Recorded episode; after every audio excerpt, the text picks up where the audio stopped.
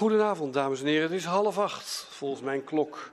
En dat betekent dat wij de tweede openierende raadsbijeenkomst, die eigenlijk hoort bij de eerste van gisteravond, waarin we uitbundig gesproken hebben over een aantal onderwerpen, tot laat. Uh, ik, uh, we gaan nu de tweede uh, avond beginnen, 3 februari. Ik open ook deze bijeenkomst. Ik stel, als u het goed vindt, de agenda hierbij vast. Ik zie niemand die zich daartegen verzet.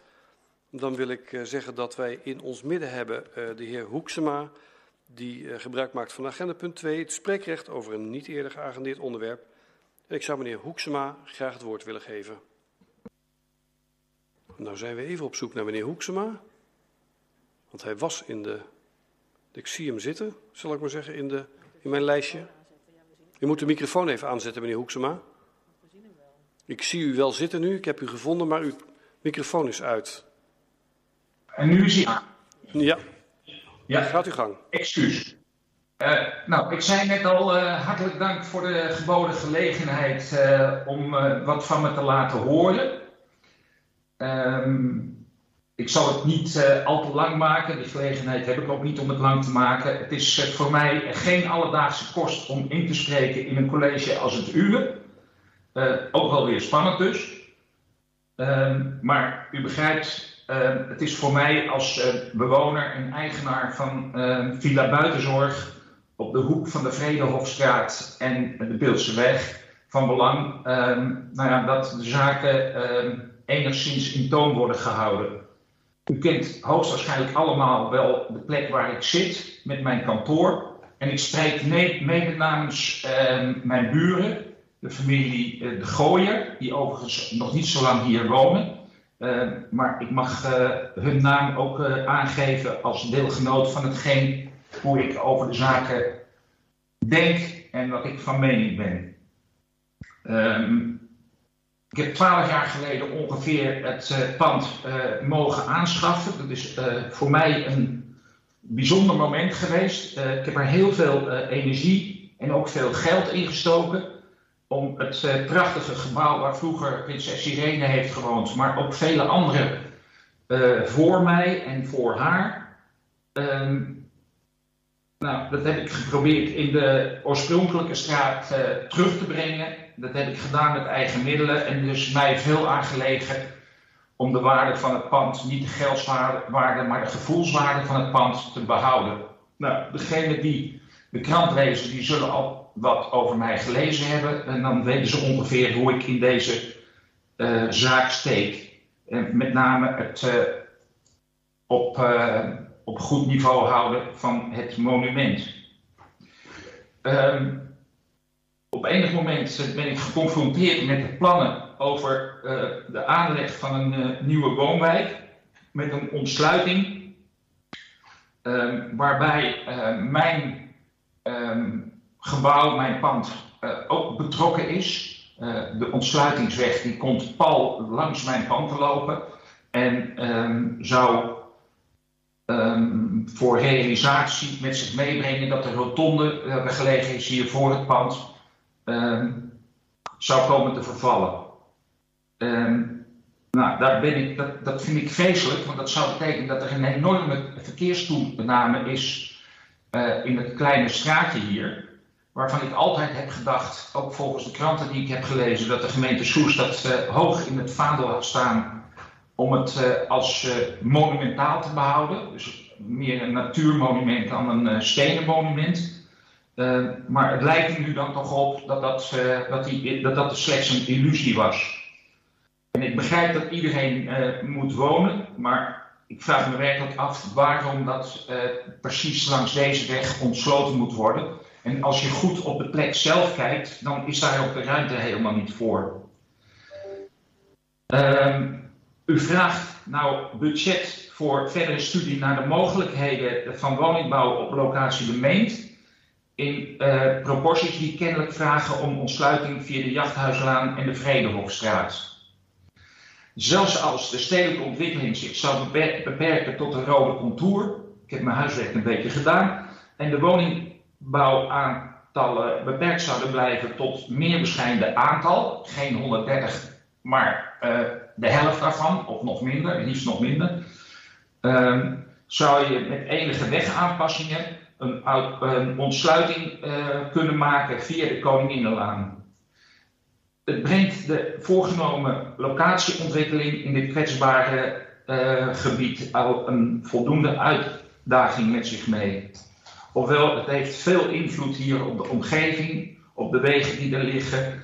En um, ik vraag me ook ten zeerste af, maar dat vroeg ik me eigenlijk pas sinds vanmiddag af, uh, of er geen ontsluiting via de andere zijde van de uh, Koningsweg zou kunnen plaatsvinden.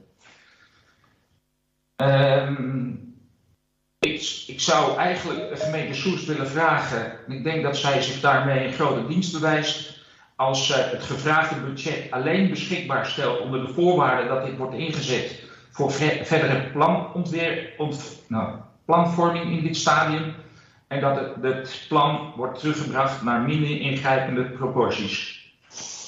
Het is van groot belang dat het groene en landelijke karakter aan deze rand van Soest direct grenzend aan het natuurnetwerk Nederland te behouden en te beschermen dit gebied staat al genoeg onder druk met uh, de plannen van onze buren Paleis Oestdijk. Dat betekent, dan ga ik afronden, geen oplossing van de rode contour, behoud van het recreatieve en landelijke karakter van de jachthuislaan en geen verdere uitbreiding van de asfaltvlaktes. Beter ten halve gekeerd dan ten hele gedwaald. Die heb ik niet van mezelf overigens. Bedankt voor de aandacht.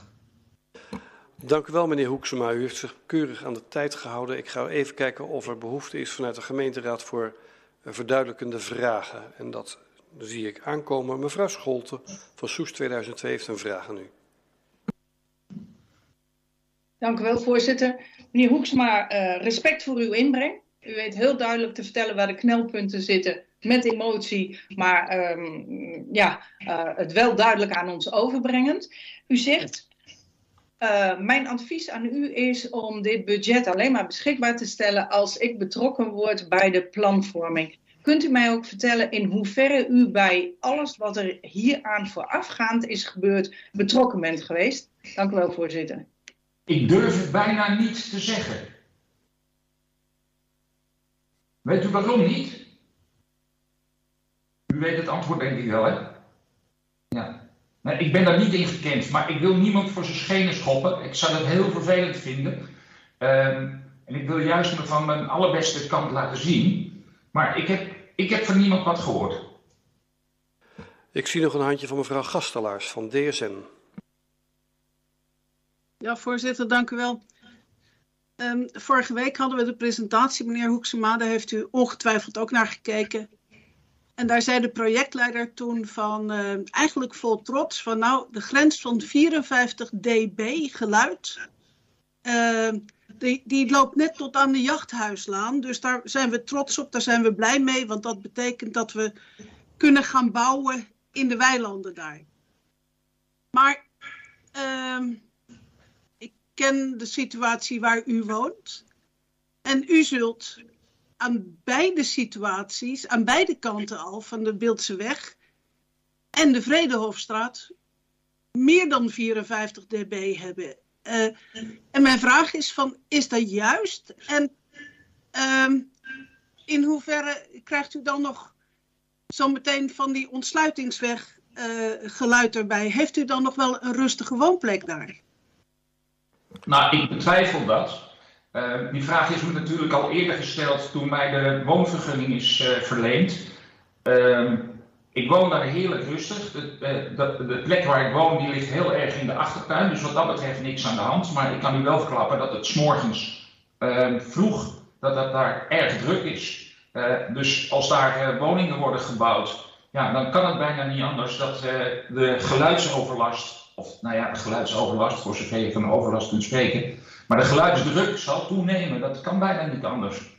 Dat is overigens ook iets wat ik heb aangevoerd. Ik weet dat dat voor u niet van belang is. Uh, toen ik uh, het voor de gemeente Baren mocht inspreken, uh, met betrekking tot de ontwikkelingen van het paleis. Want ook daarvan vrees ik dat ze, nou ja, tussen de 100 en de 300.000 mensen die er per jaar komen bezoeken, dat dat ook extra geluid zal opleveren. Dus ja, Dank u wel, meneer Hoeksema. Ik zie nog een handje van de heer Lucas van CDA. Ja, dank u wel. Een beetje in aansluiting op wat mevrouw uh, Scholten uh, aangaf. Ik begrijp dat u niet betrokken bent, maar u geeft constructief aan dat u wel betrokken wilt zijn. Heeft u een beeld van hoe u dat dan voor u ziet? Want ik begrijp dat u ook niet geconfronteerd wilt worden met plannen achteraf, dus waar u op reageren kan. Heeft u een beeld hoe u dat voor u ziet? misschien dat we dat mee kunnen nemen. Ja, dat heb ik, dat beeld heb ik. Want uh, op het moment dat, ik even terug naar Paleis Ooswijk, dat ik um, kennis kreeg aan het feit dat het, het paleis zou ontwikkeld gaan worden, heb ik ook aan de bel getrokken bij, bij de overheid in, toen de tijd. En heb ik gezegd, waarom ben ik nergens, heb ik gevraagd waarom ik nergens in gekend ben. Hè? Want er, er werd gewoon gesteld, ja we gaan verkopen en ja, voor de rest eigenlijk niks. En toen heb ik met hun de hele goede afspraak gemaakt dat zij mij zouden informeren. Samen, ik moet er eerlijk bij zeggen, dat, daar was meneer Gift ook bij betrokken, mijn oude buurman. Um, samen met mijn buurman. En dat ze ons zouden informeren over plannen die ze hadden en ontwikkelingen die ze wilden gaan uitrollen. En tot op de dag van vandaag hebben ze dat uitstekend gedaan. Dus ik wil niet zeggen dat ze altijd aan mij hebben gevraagd of ik het goed vind. Maar ik heb wel heel veel contact met ze gehad en nog steeds over hoe ik tegen bepaalde dingen aankijk. Ik zie geen handjes meer van mensen die vragen willen stellen aan meneer Hoeksema. Dan zou ik u willen bedanken voor, uh, voor de moed om, uh, om uh, in te spreken vanavond, meneer Hoeksema. Fijn dat u dat heeft willen doen. Dan kan de Raad daar kennis van, van nemen. En daarmee sluit ik dit agendapunt dan af. En dan zou ik u willen uitnodigen om, om de rest van deze bijeenkomst, want ik kan me voorstellen dat het volgende agendapunt ook uw aandacht heeft, dat via de, het normale kanaal buiten, de, buiten deze vergadering om, om te, te volgen. Dank u wel voor uw aanwezigheid en uw inbreng. En u allemaal veel wijsheid met besluitvorming.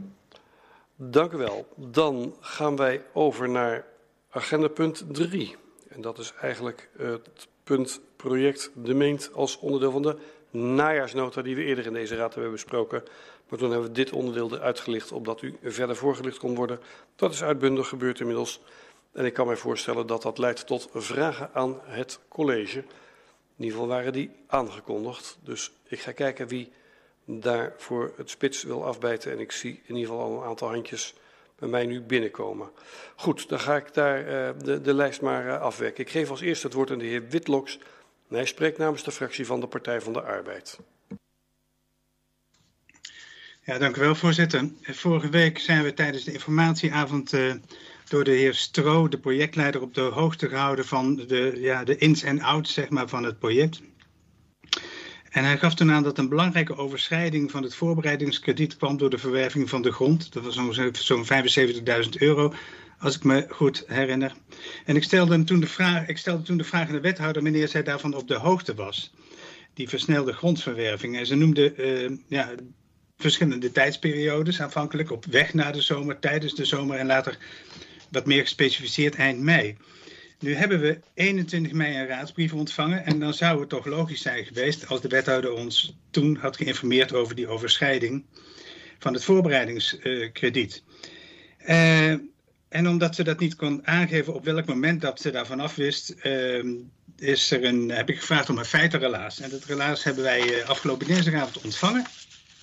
En uit het feitenrelaas maak ik op dat al op 30 april de rentmeester namens de verkopende partij de projectgroep op de hoogte is gesteld dat het proces voor de verwerving van de gronden, dat hij dat wilde versnellen. En op 12 mei vond daarin een eerste voorbereidingsgesprek plaats en 19 mei een oriënterend gesprek. Op 21 mei ontvingen wij de raadsmail. En daarin staat niets over die versnelde grondverwerving en de daarmee gepaardgaande extra kosten. We hebben overigens op 24 juni uh, nog een keer een brief gehad en over, evenmin stond daar iets over in. En mijn vraag aan de wethouder is of ze het met mij eens is dat zij op 21 mei en vervolgens ook natuurlijk nog in juni verzuimd heeft om dat belangrijke feit en de daarmee gepaardgaande kosten en logische voortvloeden lijkt me zo een verzoek om verhoging van het krediet te melden aan, het raad, aan de raad. Sorry. Dat was mijn vraag. Dank u wel, meneer Witloks. Heldere vraag. Mevrouw Flinteman, D66. Dank u wel, uh, voorzitter. Ja, um, uh, ook wij hebben een vraag over de bijeenkomst van vorige week. Daar is um, uh, kort aan de orde gekomen dat het bedrag van 160.000 euro overschrijding die in de najaarsnota staat, dus onder de noemer van de drie O's staat. En um, ik zei al van er is kort wat over gezegd, maar we zouden graag wat meer opheldering willen van het college hierover over uh, de, uh, ja, ik denk wethouder van Aalst, over de financiële regie die hierop gevoerd is. En of zij kort kan uitleggen waarom deze overschrijding aan de drie O's voldoet. Dank u wel, voorzitter. Dank u wel, mevrouw Flinteman. U spreekt namens de fractie van D66. Mevrouw Gastelaars, DSN, u heeft het woord. Ja, voorzitter, dank u wel. Ik, ik zal bij voorbaat zeggen dat ik het niet zo kort zal maken als mijn, mijn voorgangers. En dat heeft te maken met het feit dat uh, in het raadsvoorstel ook staat dat uh, uh, het beoogde resultaat van vanavond is de raad in staat stellen om een verantwoorde afweging te maken ten aanzien van de voorliggende bestuurlijke keuzes. En dat was voor ons de uitnodiging om eens even in de geschiedenis te duiken. Want ehm, wij willen de afweging kunnen maken of die 250.000 euro inderdaad goed is besteed. En, uh, uh, want vorige week kregen we bij de presentatie uh, een, plaatjes, een plangebied. we hadden al een heleboel onrust bij omwonenden. We hebben een vreselijk verkeersplan. We hebben net meneer Hoeksma erover gehoord. En een studieconcept met een weiland dat is getransformeerd tot park met waterpartij. Maar als je nou kijkt naar de geschiedenis, dat wij als eerste keer als raad uh, met de hele kwestie, bij de hele kwestie betrokken zijn geweest, dat zijn geworden. Dat was op 11 november 2020 met een besloten informatiebijeenkomst over het woonwagencentrum. Er was van alles mis, de brandveiligheid baarde zorgen en er moest een haalbaar en uitvoerbaar plan komen. Er was een scenario-studie gemaakt, studie gemaakt op basis van waarvan BMW en raad een besluit konden nemen. En nu in die scenario-studie werden vier varianten beschreven, variërend van minimale maatregelen tot wat de plaatjes die we vorige week gepresenteerd hebben gekregen. Het verplaatsen van het hele woonwagencentrum ten noorden van het huidige gebied. Maar het gekke is dat in de scenario-studie daar wordt nadrukkelijk het advies gegeven om te kiezen voor scenario 2. En dat is het komen tot een planontwikkeling voor het hele gebied ten oosten van het woonwagencentrum en het woonwagencentrum. En ten oosten betekent heel eenvoudig niet naar de jachthuislaan, maar in de richting van het spelenveld. Dus binnen de rode contour. En in dit verband hebben wij in ieder geval twee vragen. Waarom heeft uw college het voorstel uit de scenario-studie niet gevolgd en heeft u zonder de raad gekozen voor een voorkeursvariant? En waarom werkt u nu in alle studies naar een verplaatsing van het woonwagencentrum naar de jachthuislaan? Terwijl dit dus haak staat op de scenario-studie, niet is afgestemd met de raad en niet conform uw eigen collegebesluit is van een dag daarvoor. Want toen heeft u voordat de raad werd geïnformeerd, al een besluit genomen voor scenario 2. Dus het, het puzzelt ons een beetje en we vinden het een hele rare gang van zaken. Nou, dan de intentieovereenkomst met Heijmans die we van de week kregen. Daarin staat dat het plangebied uit drie onderdelen bestaat. Het woonwagencentrum, dat is deel 1. Het exploitatiegebied, deel 2. En het studiegebied, deel 3, dat ligt buiten de rode contour. En in dat onderzoekstraject worden werken gemeente en Heijmans, staat in de intentieovereenkomst, twee scenario's uit. In het ene scenario krijgt het studiegebied buiten de rode contour een ecologische recreatieve functie. En in het tweede scenario krijgt het deel buiten de rode contour woningbouw. Maar dan borrelen er toch een aantal vragen op, want uw coalitie is heel stellig. Uw coalitieakkoord is heel stellig in het niet bouwen buiten de rode contour. Maar wat heeft u dan van gedachten doen veranderen? Vraag 2. Hadden wij als raad niet op zijn minst betrokken moeten worden bij uw afweging om wel of niet buiten de rode contour woningbouw te onderzoeken? Vraag 3. Vorig jaar heb ik begrepen dat de provincie niet wil meewerken aan het verleggen van de rode contour. En waarom zet u daar dan toch op in? En vraag 4. Het hele gebied valt onder het bestemmingsplan landelijk gebied, dat is vastgesteld in 2013. Daar hoort een toetsingskader ruimtelijke kwaliteit jachthuislaan bij. En daarin staat letterlijk dat de monumentale bebouwing in het gebied beschermd moet worden. En dat uitsluitend binnen de rode contour beperkte uitbreiding van wonen mogelijk is. En dat moet dan ook nog passen bij het omringende woonmilieu. Maar handelt u met deze hele planontwikkeling dan wel conform dat toetsingskader?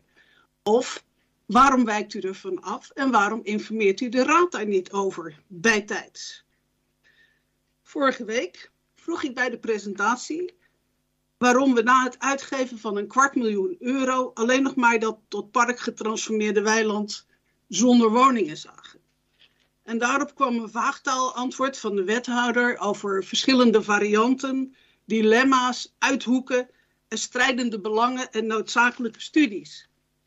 Maar in de opdrachtbevestiging van Royal Haskoning, die de noodzakelijke verkeersontsluiting heeft uh, bestudeerd en uh, gepresenteerd, daar staat letterlijk dat het plan zal bestaan uit de realisatie van 33 sociale woningen woonwagens, 50 bereikbare huur- en starterswoningen koop en 83 vrije sector koopwoningen middensegment. In een totaal dus 666 woningen.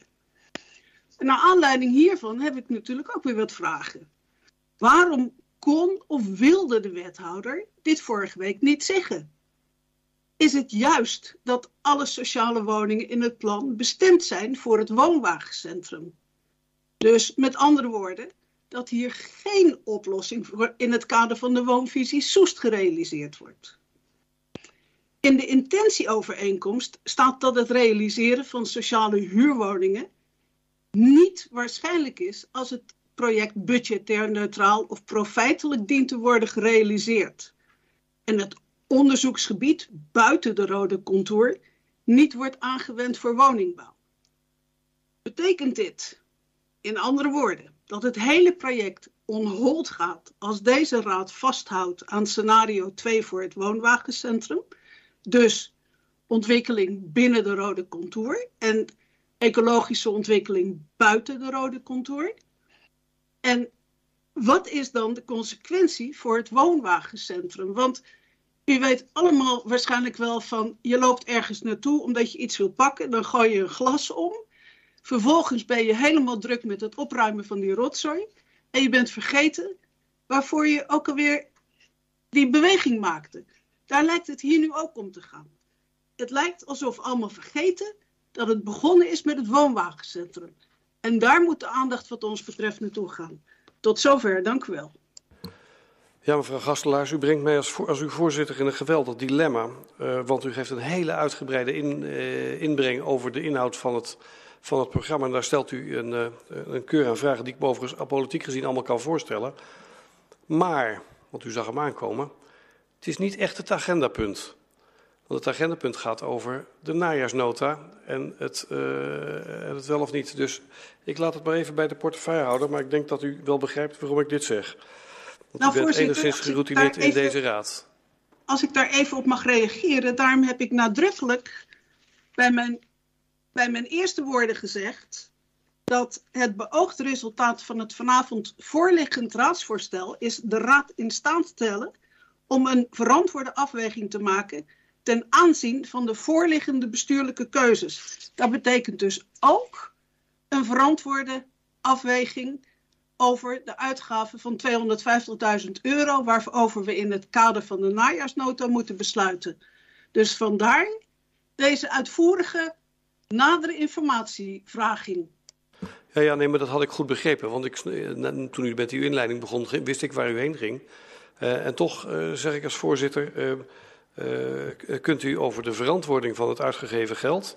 Uh, heeft u alle informatie ontvangen, maar ik laat het aan het bestuur. U weet, maar ik moet als uw voorzitter Dat weet u, dat is ook de afspraak die er uh, bij de fractievoorzitter is gemaakt. U, uh, u altijd erop wijzen dat u zich moet beperken tot het agendapunt. En dan laat ik het verder aan de orde van de vergadering. Uh, daar mag u straks met elkaar wat over vinden.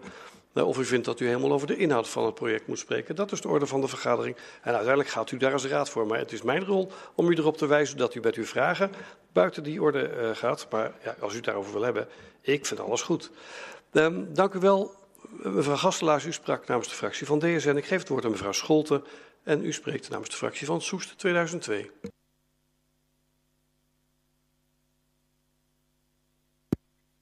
Ja, voorzitter, dank u wel. Het deel van uh, mevrouw Gastelaars was duidelijk en verhelderend, ondanks even het uh, verschil van uh, inzicht over de bijdrage nu of op een ander moment. En daar wil ik eigenlijk wel op aanhaken.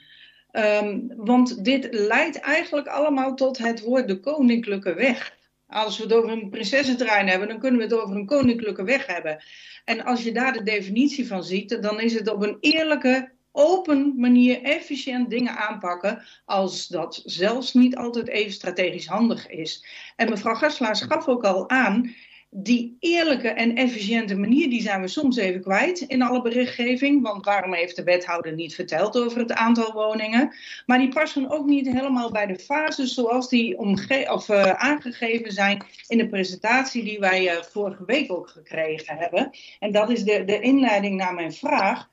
Want um, het is nog niet helemaal de koninklijke weg geworden. Als we zien dat een voorbereidingskrediet van 100.000 euro bedoeld is voor een initiatieffase. En volgens de presentatie is die voorbij. Maar er had er al een product opgeleverd kunnen worden. Dat product is niet helemaal gelukt. Want we zijn op weg naar de next step. En er zou iets van een plan meer dan een park zijn met wat vlekken. Dat is ook niet gelukt. Maar we gaan wel door met geld uitgeven. En daar komt precies het knelpunt van Soes 2002. En dat is, staat wel in relatie tot hoe wij gisteravond met elkaar gesproken hebben.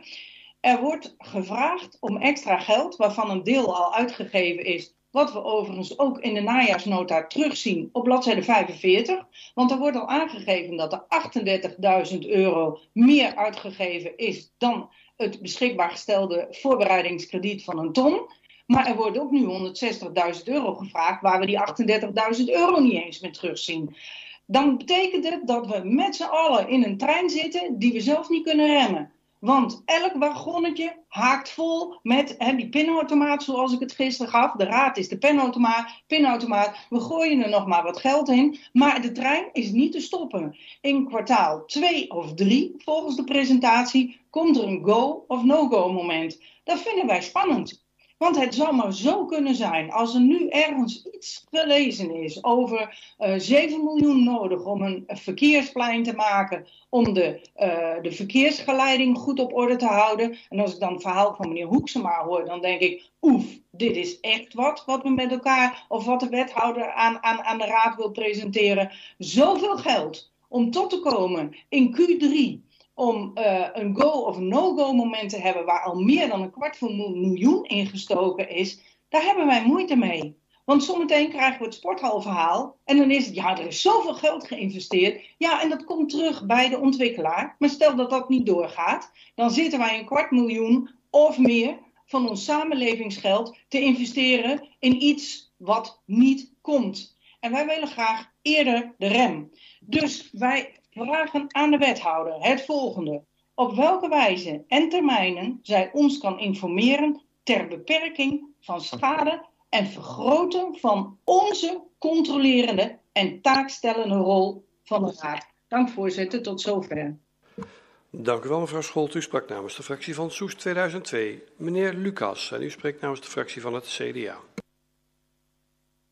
Ja, dank u. Ja, die koninklijke route, ik hoop dat ik die ook met mijn vragen namens het CDA bewandel. Het is misschien een iets andere aanvliegroute, maar ik hoop in ieder geval wel dat die zo gezien wordt als laten wij vooral de koninklijke route bewandelen.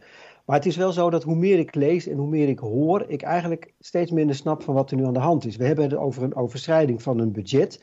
En om te begrijpen of dat rechtmatig is of niet, uh, en of de wethouder de raad tijdig en voldoende heeft, heeft geïnformeerd, hoorden we de vorige week een uitvoerig exposé over wat er allemaal gedaan is. Maar het lijkt wel alsof er meerdere sporen zijn uitgezet. Het eerste spoor gaat over dat het college zegt met een plan bezig te zijn om het woningbouwkamp op te knappen en woningen te bouwen. Daar zal ik niet op ingaan, want dat is nu niet het onderwerp.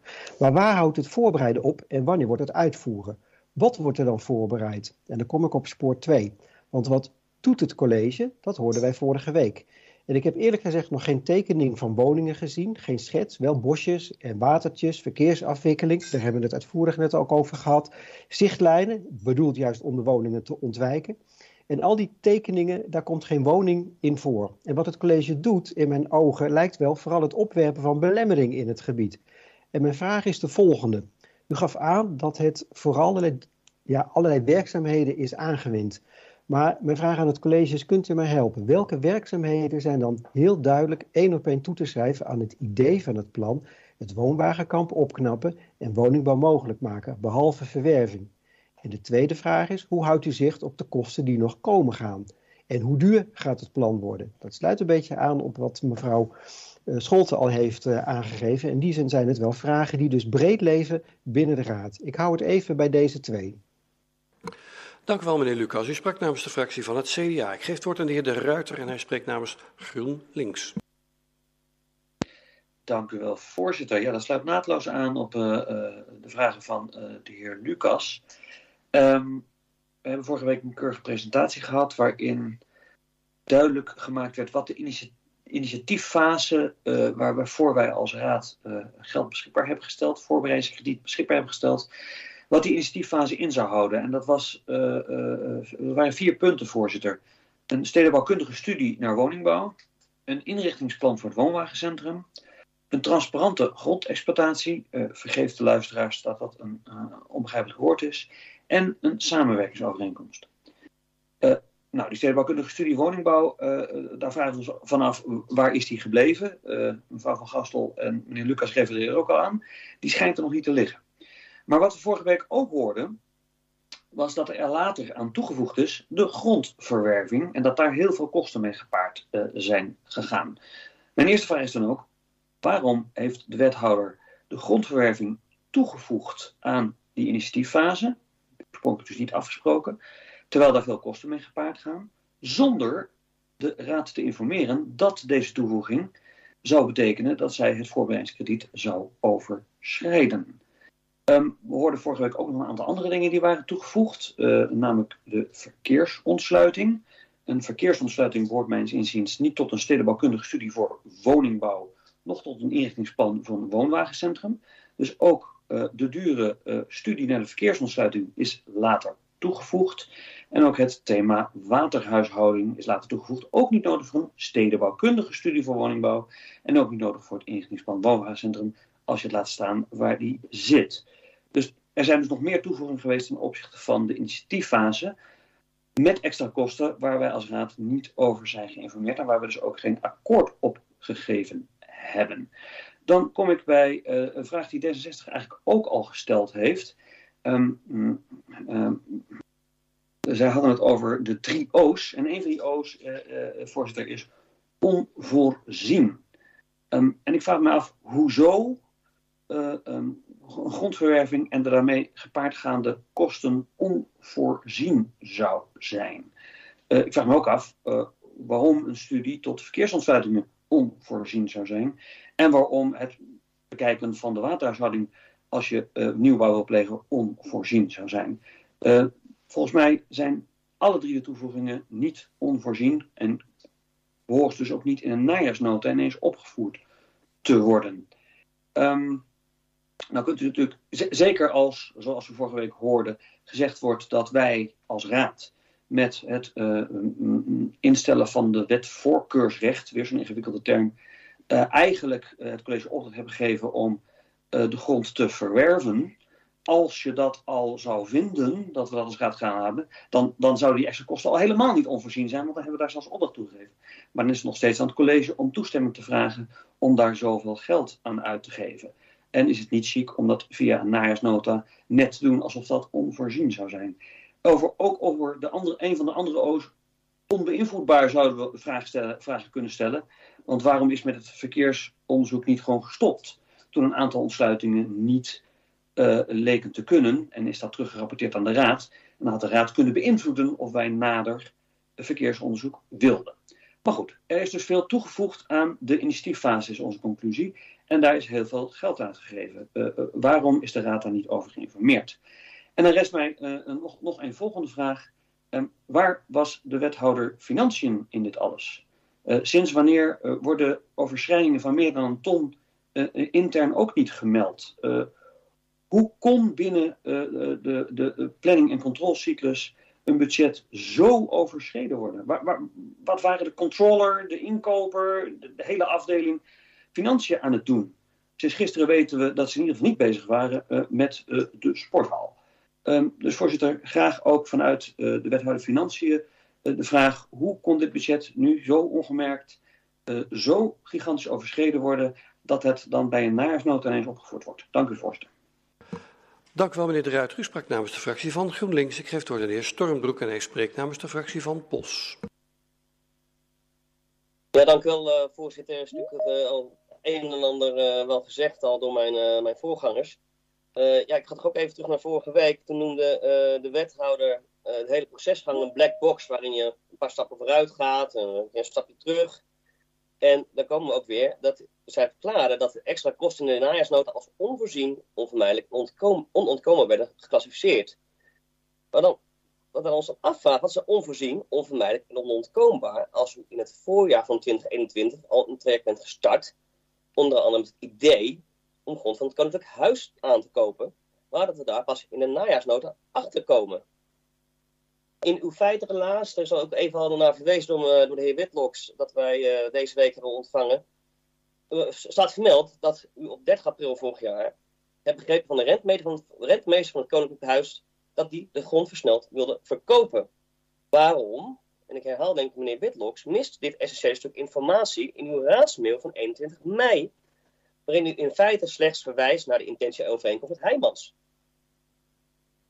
Ook zegt u dat u telkens heeft gehandeld binnen de kaders die de Raad heeft meegegeven. Feit blijft dat er, in een, dat er een overschrijding is van zeg maar, on, anderhalve ton, 130.000 euro, die u heeft gedacht weg te schrijven in de najaarsnota. Los van de 30.000 euro die nog extra wordt gevraagd voor dit jaar. U hebt vorige week aangegeven dat u de gemeenteraad onvoldoende hebt meegenomen. Sinds het vaststellen van het voorkeursrecht voor de aankoop van de grond. En nu? Ik moest meteen eigenlijk denken aan uh, een volgende vergelijking. Stel nou dat ik met mijn vrouw in februari vorig jaar heb afgesproken dat ik voor het eind van het jaar een auto zou kopen voor 10.000 euro. Maar dat zij op het bankafschrift achter is gekomen dat die auto niet 10.000 euro, maar 23.000 euro heeft gekost. En die auto nog niet eens op de oprit staat. Denkt u dat ik dan thuis een probleem zou hebben? En als u verder redeneert, denkt u dat u een probleem zou hebben.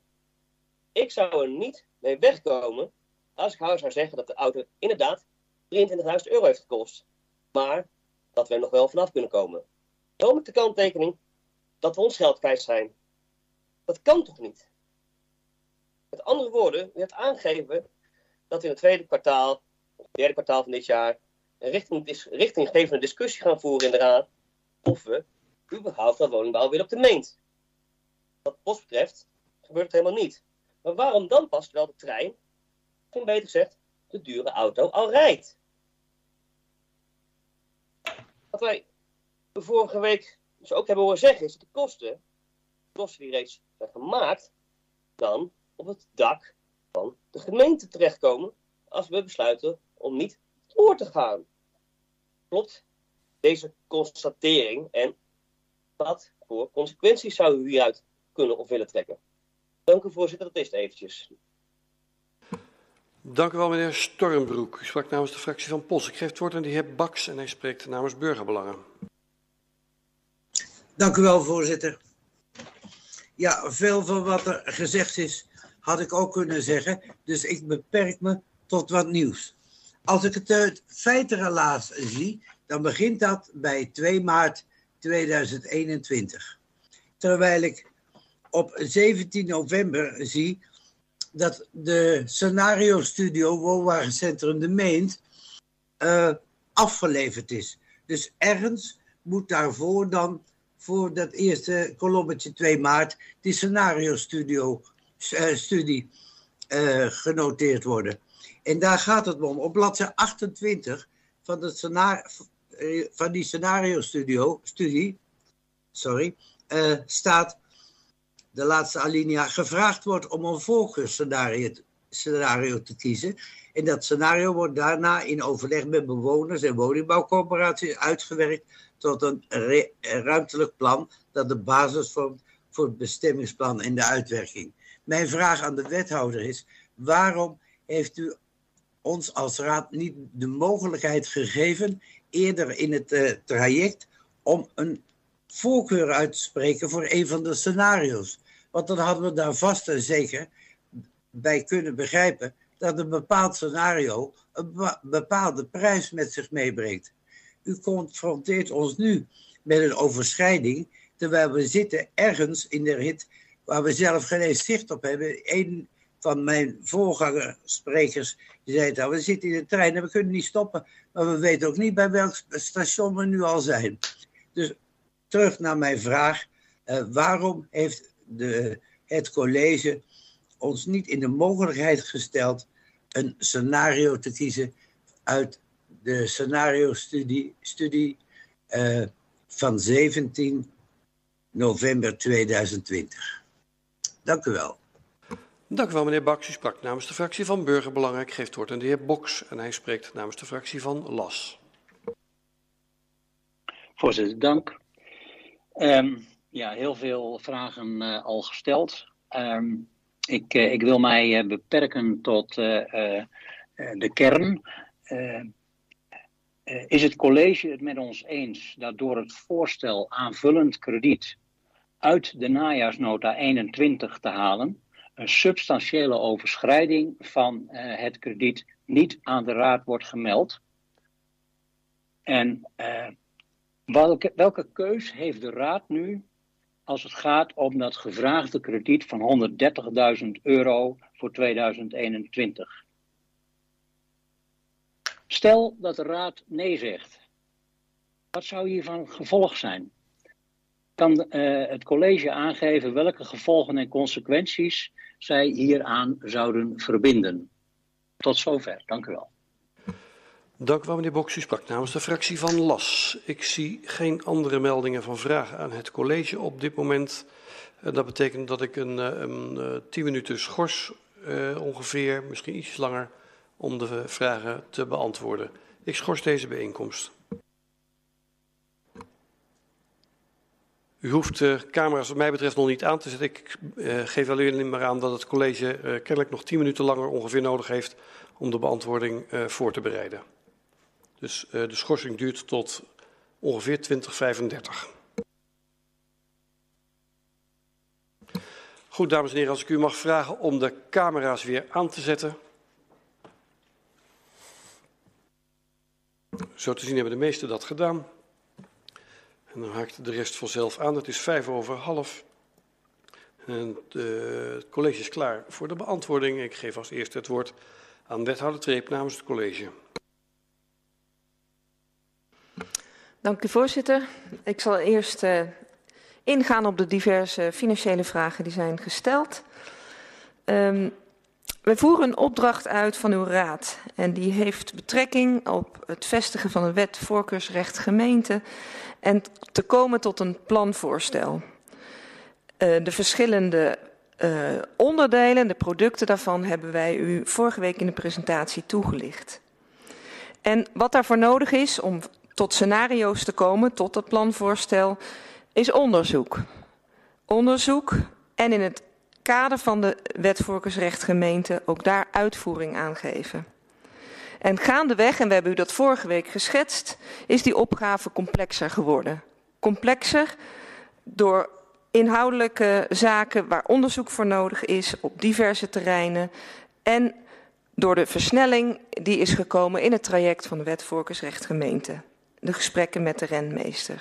Het werk daarvoor is, zoals u in het feitrelaas heeft kunnen zien, na de zomer, in de zomer zeg, moet ik zeggen, en na de zomer uitgevoerd. Wij konden dan ook niet op 21 mei in de raadsinformatie daar al een voorschot op geven, want wij wisten dat nog niet.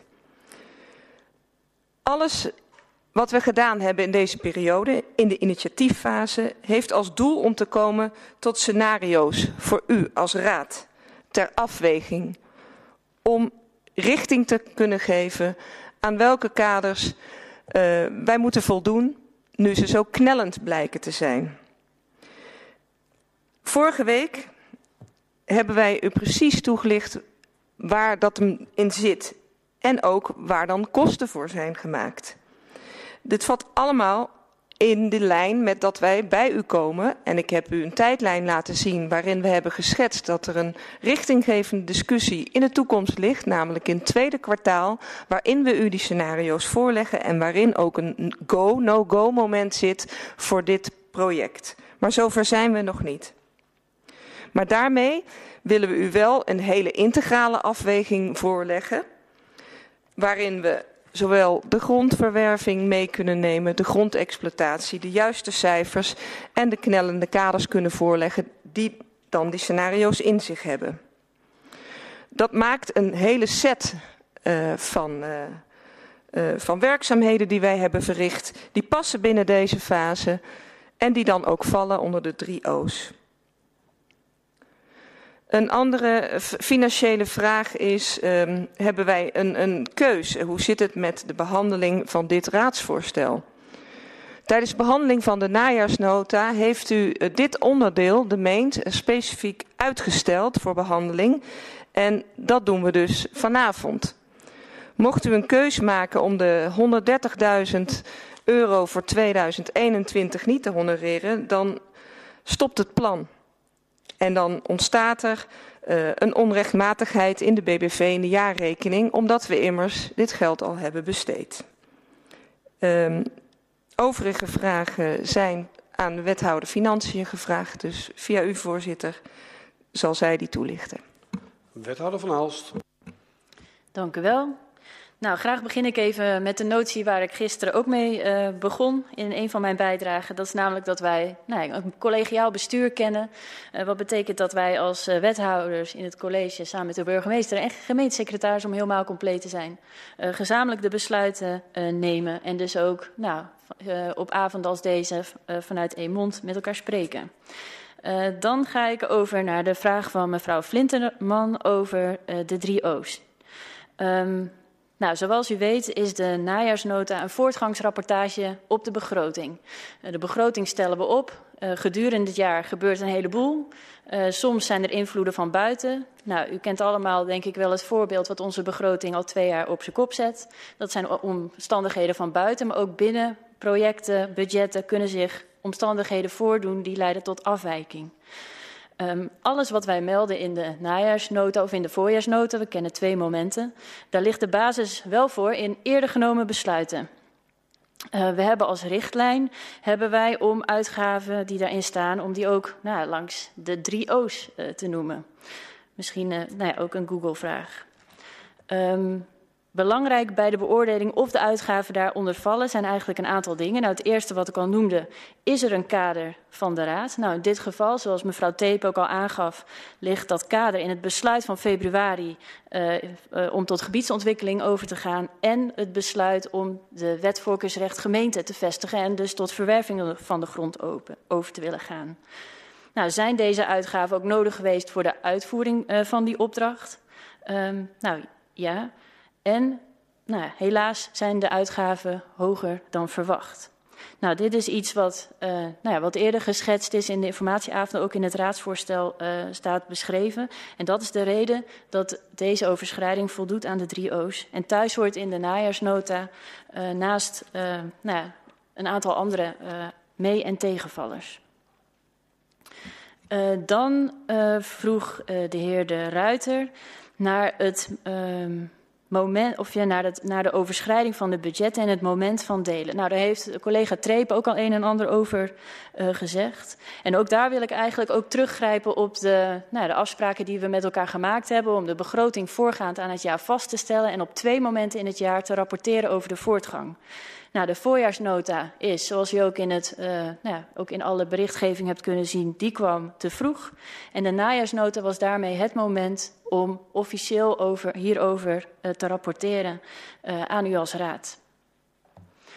Dan ga ik nog even in aansluiting op uh, uh, mevrouw uh, Treep, die daar ook al even op inging, vanuit meer nou, de, de financiën blik, kijk van wat als de raad het niet goedkeurt.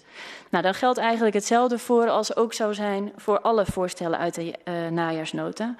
Als u een voorstel niet goedkeurt, dan is er sprake van een onrechtmatigheid in de zin van de BBV. Mevrouw Treet noemde het al, besluit begroting en verantwoording. De accountant zal het dan meenemen in zijn beoordeling. En nou ja, wij denken dat hij het dan als onrechtmatigheid zal beoordelen, maar dat is natuurlijk nog aan hem. Um, en ook dus in de beoordeling over de totale jaarstukken. Nou, dat zijn bredere marges, dus er is niet direct een man overboord, maar het zal daarbij waarschijnlijk wel opgenomen worden. Wij zien echter geen aanleiding voor een dergelijk besluit. Zoals ik al eerder ook aangaf, is de afwijking namelijk ontstaan bij de uitvoering van de kaders die door de Raad zijn gesteld. Dank u wel. Dank u wel, wethouder Van Aalst. Uh, ik kijk even naar wethouder Treep of die nog behoefte heeft om meer inhoudelijk te reageren naar aanleiding van de opmerkingen die gemaakt zijn. Ja, ze knikt ja, u heeft het woord. Ja, hoewel het niet helemaal het vergaderpunt is, uh, zijn er ook wel inhoudelijke vragen gesteld. En met name ook in het voortraject waarin we bezig zijn geweest met een ander project, maar wat wel hierop aansluit. En dat is dan um, de renovatie van het woonwagencentrum zelf, waarin ook een scenario-studie is gemaakt uh, eind november 2020. Um, maar waarin op dat moment geen keuzes zijn gemaakt, ook niet door het college. Uh, en wij hebben wel alle informatie meegenomen. En zoals de projectleider, de heer Stro, vorige week heeft verteld, is er een moment in november geweest waarin wij begonnen zijn met de wet voorkeurrecht gemeente voor te bereiden. En dat heeft uitgemond in de intentieovereenkomst in uh, mei met uh, de projectontwikkelaar. En alle input die, en analyse die al is gemaakt in die eerdere scenario-studie is meegenomen. Maar in een uh, samenwerking met de ontwikkelaar ontwikkelen wij scenario's uh, voor u die wel deels die input in zich hebben, maar die verrijkt zijn met de kaders van de raad, zoals ze voorliggen, en de onderzoeken zoals we ze hebben uitgevoerd.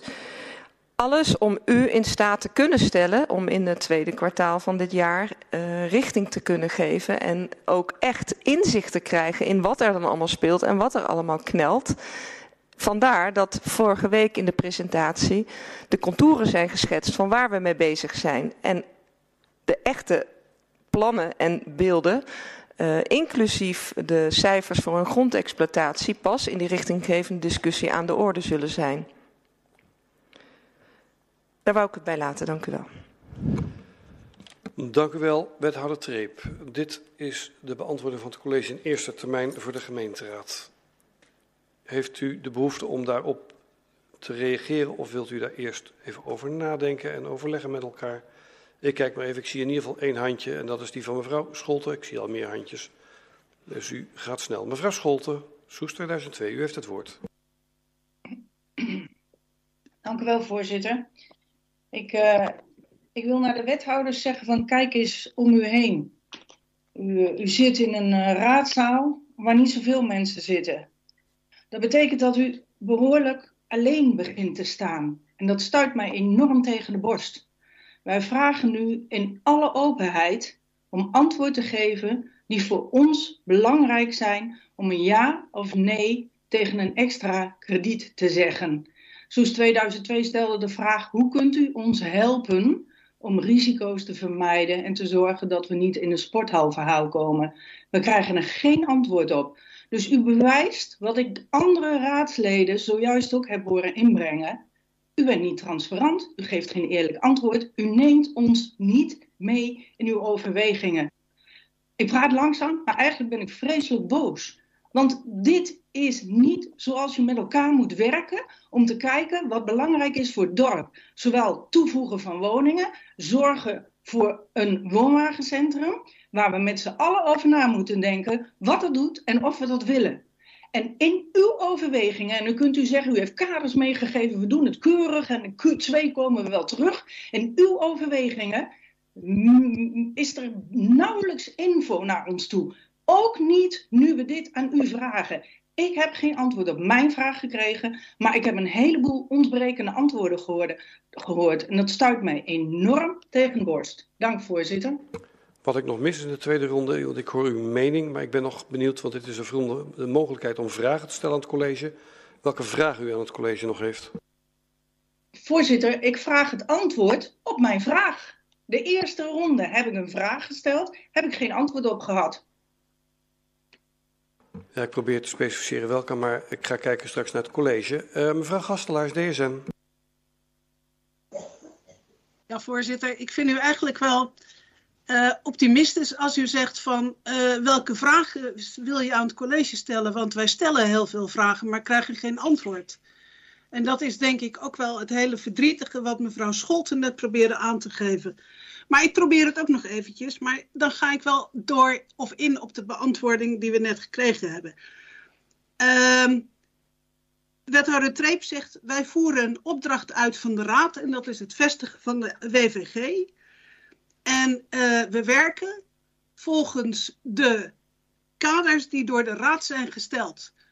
Als de wethouder goed naar mijn vragen had geluisterd, dan, en die wil ze dus kennelijk niet beantwoorden, dan had ze kunnen horen dat wij, naar mijn weten, geen kaders hebben gesteld, omdat wij niet betrokken waren door het college. En dat we ook mogelijk op onjuiste gronden een opdracht hebben verstrekt voor het vestigen van de WVG, omdat ook daar de informatie voor ontbrak. Dan zou ik graag van de wethouder willen horen hoe zij nu transparant en open van ons medewerking wil voor een budgetoverschrijding, die dus voor mijn gevoel helemaal onterecht uh, voor ligt.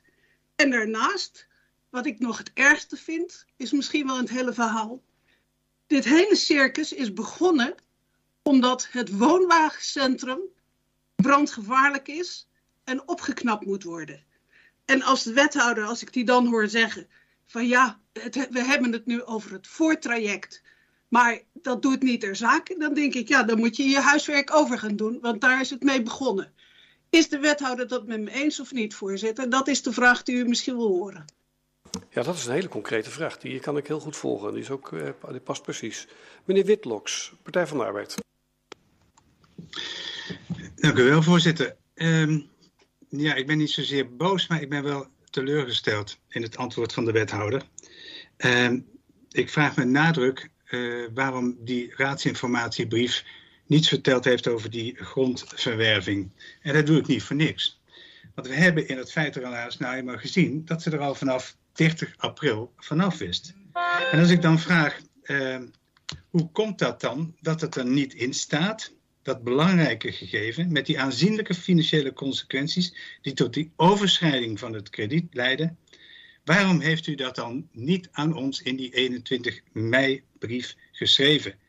Ik, kan het, uh, ik hoop dat ik uh, minder teleurgesteld uh, ben dan ik nu ben als ik het antwoord heel klip en klaar van de wethouder krijg zometeen. Dank u wel. Dank u wel, meneer Witloks. Namens de Partij van de Arbeid, meneer Lucas, CDA.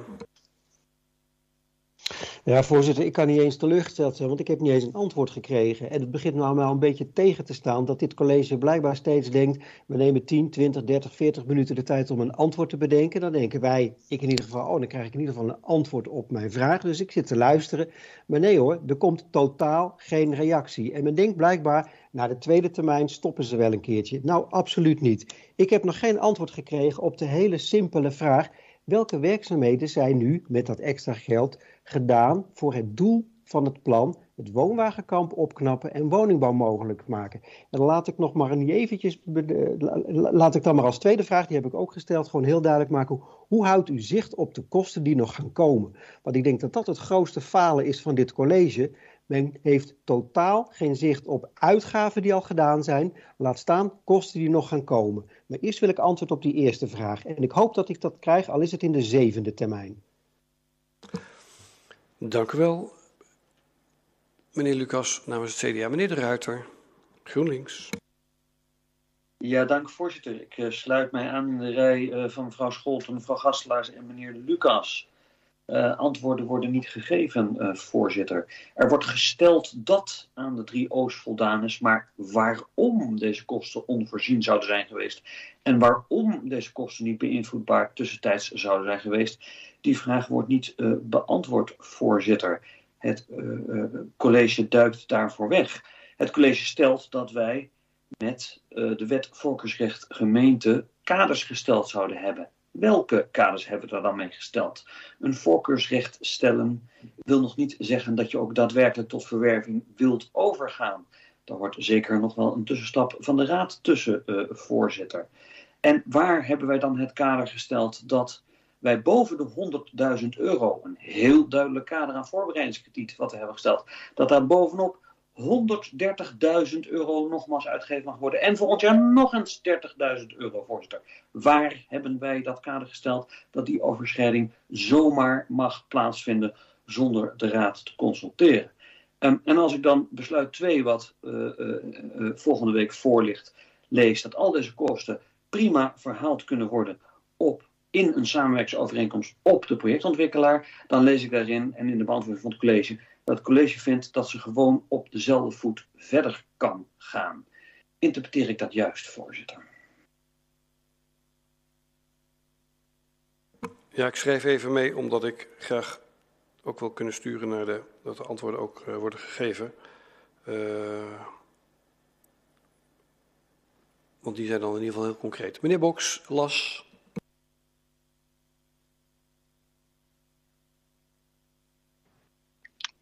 Voorzitter, laat ik dan uh, beginnen met een, uh, een uh, dankwoord aan het college, want ik heb een klip en klaar antwoord gekregen op mijn vraag. Da daarvoor dank. maar als ik het totale slagveld overzie, dan komt het bij mij neer op één vraag. En die, die vraag is, college, geef nu eens antwoord. U krijgt een ton om iets te leveren voor een bepaalde tijd. Dat heet een kaderstelling en een budget.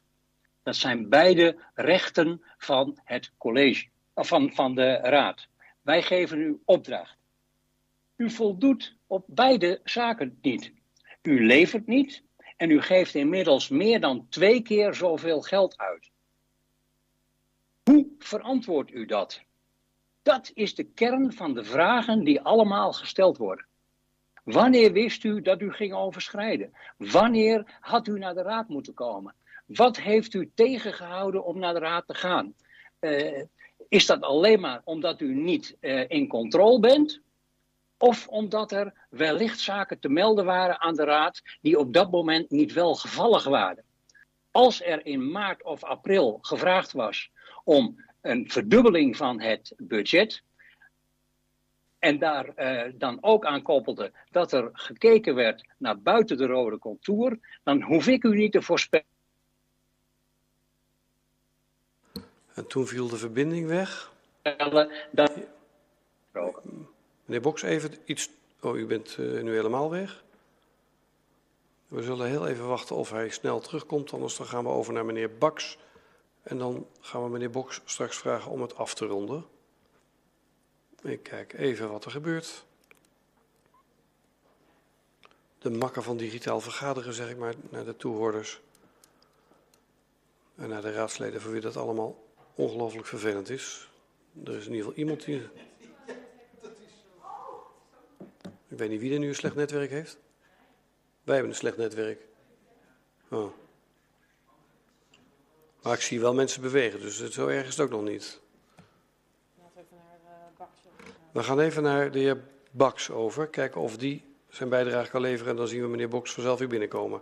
Hij was net op zijn hoogtepunt aan het aankomen. Meneer Baks, u heeft het woord namens Burgerbelangen. Dank u wel, voorzitter. Uh, in navolging van uh, mevrouw Scholten en mevrouw Gastelaars wil ik de wethouder er toch wel op wijzen dat wij als raad het recht op informatie hebben en u de plicht heeft die informatie te geven. En wat er nu gebeurt, vind ik een soort minachting van de raad. Wij stellen misschien wel 20, misschien wel 30 vragen en u beantwoordt er twee. En die, die, die antwoorden zijn dan, ja, u heeft het zelf toch zo ons opgedragen. Ik, kom nou toch. Zo gaan we hier toch niet met elkaar om. En verder heb, ik, heb ik geen vragen aan de wethouder, maar ik wilde alleen dat gevoel kwijt dat ik ontzettend het gevoel heb geminacht te worden. Denk ik, wat doen we hier? Daar laat ik het bij, voorzitter. Dank u wel, meneer Baks. Ik zie meneer Boks nog niet in de vergadering. Dat betekent dat ik nu even de vergadering... Voorzitter, punt Ja, van orde. Meneer de Ruiter. Zou ik een korte schorsing, zou ik een korte schorsing mogen naar deze woorden van de heer Baks? Ja, nou, ik was zelf van plan om de schorsing voor te stellen, omdat ik eigenlijk vind dat meneer Boks zijn bijdrage nog moet kunnen eh, afmaken. En ik het college in de gelegenheid wil, eh, wil stellen om in ieder geval al eh, aan de voorbereiding van de concrete beantwoording van een aantal vragen nog, nog voor te bereiden. Maar als u hem ook vraagt, vind ik het prima. Dan schorsen we in ieder geval even tien minuten en dan kijken we even hoe de verbindingen met, met alle raadsleden zijn. Ik schors tot vijf over, in ieder geval tot vijf over negen. Ik zie weer gezichten terugkomen in het scherm. Dat wil zeggen dat ik nu iedereen, denk ik, kan oproepen om eh, het scherm weer aan te zetten.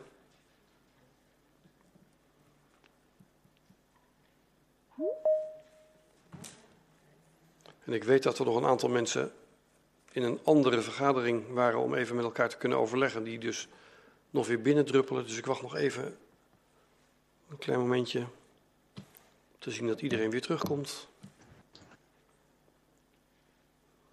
Ik denk dat we weer een heel eind zijn. Hoewel ik nog niet tot 29 kan tellen. Maar dat hoeft niet bij de opinierende raad. Ik zie in ieder geval dat meneer Boks weer binnen is. Dat is fijn. Want we halverwege werden we verbroken. Goed, ik heropen de vergadering. De schorsing is aangevraagd door meneer De Ruiter. En ik had gezegd voor de schorsing even voor meneer Boks dat ik eerst meneer Baks het woord zou geven. Kijken of u terug zou komen om de u de gelegenheid te geven om eh, uw bijdrage af te maken. Maar kijk eerst naar degene die de schorsing heeft aangevraagd. Eh, meneer De Ruiter, u heeft het woord. Ja, dank u, eh, voorzitter. Ik, ik moet zeggen, ik was erg geraakt door de woorden van de heer Baks. En ik had even behoefte om te overleggen met mijn ehm mede-fractievoorzitters van de partijen die deze periode niet tot de coalitie behoren. En ik spreek namens ons allen, ehm, als ik herhaal wat de heer Baks zei, dat wij ons eh, geschoffeerd eh, voelen. Wij hebben vragen gesteld en hebben maar heel beperkt antwoord op gekregen. En dat leidt eigenlijk bij ons dat we met het laatste beetje voordeel van de twijfel ehm, zometeen ehm, het college nog willen vragen te antwoorden. Eh, in onze ogen is er een kwart miljoen uitgegeven eh, zonder dat het oorspronkelijke doel, de veiligheid van het woonwagenkamp, een haar dichterbij gekomen is. Ehm, ehm, dus wij zouden het college, nou ja, ja, laat ik het woord gewoon zeggen. Als het college ons vertrouwen terug wil winnen, ehm, vragen wij toch echt serieuze beantwoording van onze vragen. En ik wil daar eigenlijk nog namens ons allen een vraag aan toevoegen, als ik mag. En dat is, ehm, vorige week hebben we de wethouder excuses horen maken over eh, de eh, beperkte informatievoorziening onze kant op. Zou ze die excuses vandaag publiekelijk in een formele vergadering willen herhalen? En misschien daar nog wel iets aan willen eh, toevoegen. Krijgen wij geen antwoorden, voorzitter onze mening, dan heeft het wat ons betreft verder weinig zin om dit onderwerp verder te behandelen. Dank voorzitter. Dank u wel, meneer De Ruiter. Heeft meneer Boks nog behoefte om zijn bijdrage af te maken? Of moet ik nu naar het college terug?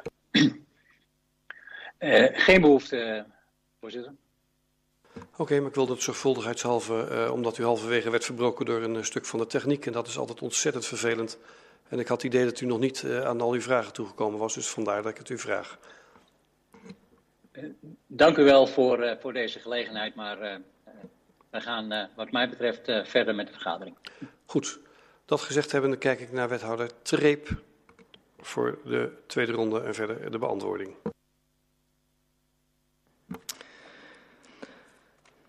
Geachte raad.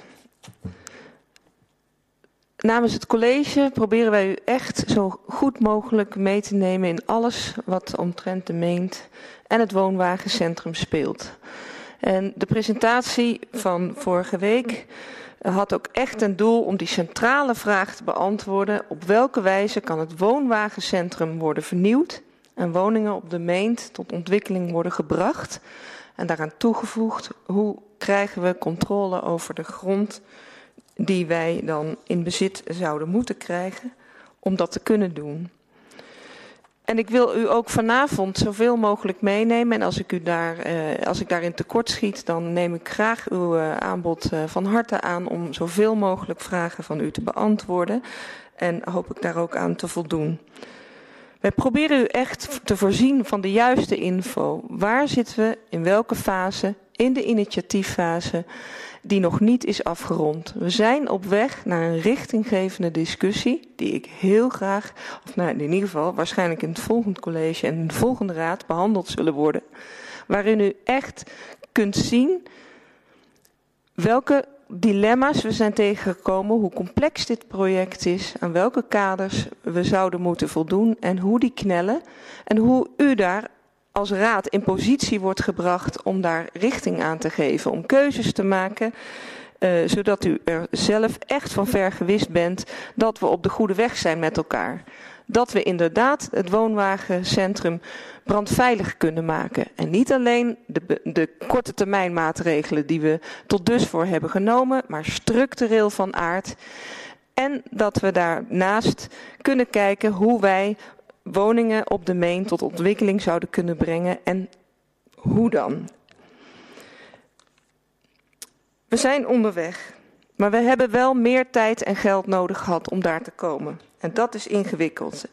In de presentatie van vorige week, en ik neem u daar even in mee, hebben wij u een aantal grote posten laten zien welke kosten dat dan behelst. En een daarvan, de eerste, is het opstellen van de intentieovereenkomst met de ontwikkelaar, zoals u weet en ook als bijlage heeft gekregen, uh, in mei uh, eh, 2021 vastgesteld. Dat is ook uh, de start om aan de slag te gaan met het planvoorstel met scenario's. Om te gaan onderzoeken wat hebben we nodig om u die scenario's echt goed voor te kunnen leggen, maar ook om een omgevingsconsultatie uh, voor te bereiden voordat er nog een plan ligt om te kijken hoe zien omwonenden dit plan uh, voorstel voor zich, wat kunnen ze ons op voorhand al meegeven en ook hoe betrekken we daar nogmaals, net als in eerdere fase, elke inwoner van het woonwagencentrum bij. Dat heeft allemaal in de zomer plaatsgevonden. Dat zou producten moeten opleveren. En die producten, die heeft u zelf ook geschetst. Dat is dan een stedenbouwkundige studie voor de woningbouw, een conceptinrichtingsplan voor het woonwagencentrum, een transparante grondexploitatie. En dat mondt dan uit in een samenwerkingsovereenkomst met de ontwikkelaar, waarop dan ook de gemaakte kosten verhaald kunnen worden. Um, meer tijd en meer geld. In het feitenrelaas wat we u mee hebben gestuurd, hebben we inzichtelijk proberen te maken dat de juristen in maart zijn betrokken om te helpen bij het opstellen van die intentieovereenkomst. Maar dat ook de projectgroep op 30 april op de hoogte is gesteld door de rentmeester dat zij met ons wilde praten over de grondverwerving. Wat eerder was dan wij hadden verwacht. We hadden echt gedacht dat het in een later stadium plaats zou vinden. Maar de rentmeester wilde het graag versnellen. Vervolgens is er in mei, 19 mei, een eerste oriënterend gesprek met de rentmeester geweest. Maar een eerste oriënterend gesprek betekent nog niet dat je dan inzicht hebt in welk werk daarachter wegkomt. En de technische uitwerking en de kosten die we daaraan hebben besteed, die hebben zich pas later gemanifesteerd. En ook dat kunt u zien in het feitenrelaas. Dat is in de periode juni-november 2021. Met een zwaartepunt van die werkzaamheden, dus die kosten, in oktober. Ik kon u dus oprecht niet op 21 mei of in de raadsmail van 24 juni die verstuurd is, iets zeggen over welke kosten dit met zich mee zou brengen en wat dan die versnelling zou behelzen. Wij wisten dat op dat moment niet en u kunt zien dat het tweede gesprek in oktober heeft plaatsgevonden. Hadden we het wel geweten, hadden we het gedaan. Um, dat andere kosten hoger zijn uitgevallen En dan noem ik uh, de door u aangehaalde onderzoeken, bijvoorbeeld uh, op het gebied van water en verkeer. We wisten dat we om een stedenbouwkundig plan te moeten maken, inclusief een grondexploitatie daarbij, waarin u goed zou kunnen zien wat dan verschillende scenario's voor eindresultaat zouden hebben. Om dat verantwoord te kunnen doen, wisten we dat we onderzoeken moesten doen. Uh, juist in dit gebied. Uh, die onderzoeken, die eerste verkenningen, die uh, noopten wel tot iets diepgaander onderzoek en ook extra kosten. Dat was onvoorzien om dit te moeten doen. Maar ook onvermijdelijk, omdat we immers op weg zijn om u juist dat hele plaatje, inclusief die grondexploitatie, goed voor te kunnen leggen. Um, dat dit een, uh, dat heb ik vorige week gezegd, maar ik ben zeker bereid om dit publiek te herhalen. Dat dit een politiek gevoelig dossier is, dat wisten we bij de start. Dat wisten we eigenlijk al vanaf het moment dat we aan de slag moesten met het woonwagencentrum en de brandveiligheid ervan. Maar ook als het gaat om, uh, bouwen op deze plek in relatie met dat woonwagencentrum.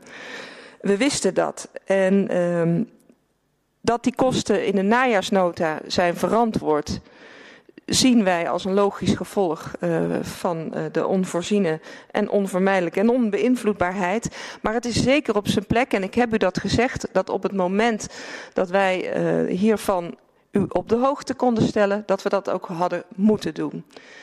En het spijt me dat ik dat niet heb gedaan. Ik had u een actieve raadsinformatiemail moeten sturen, kunnen sturen.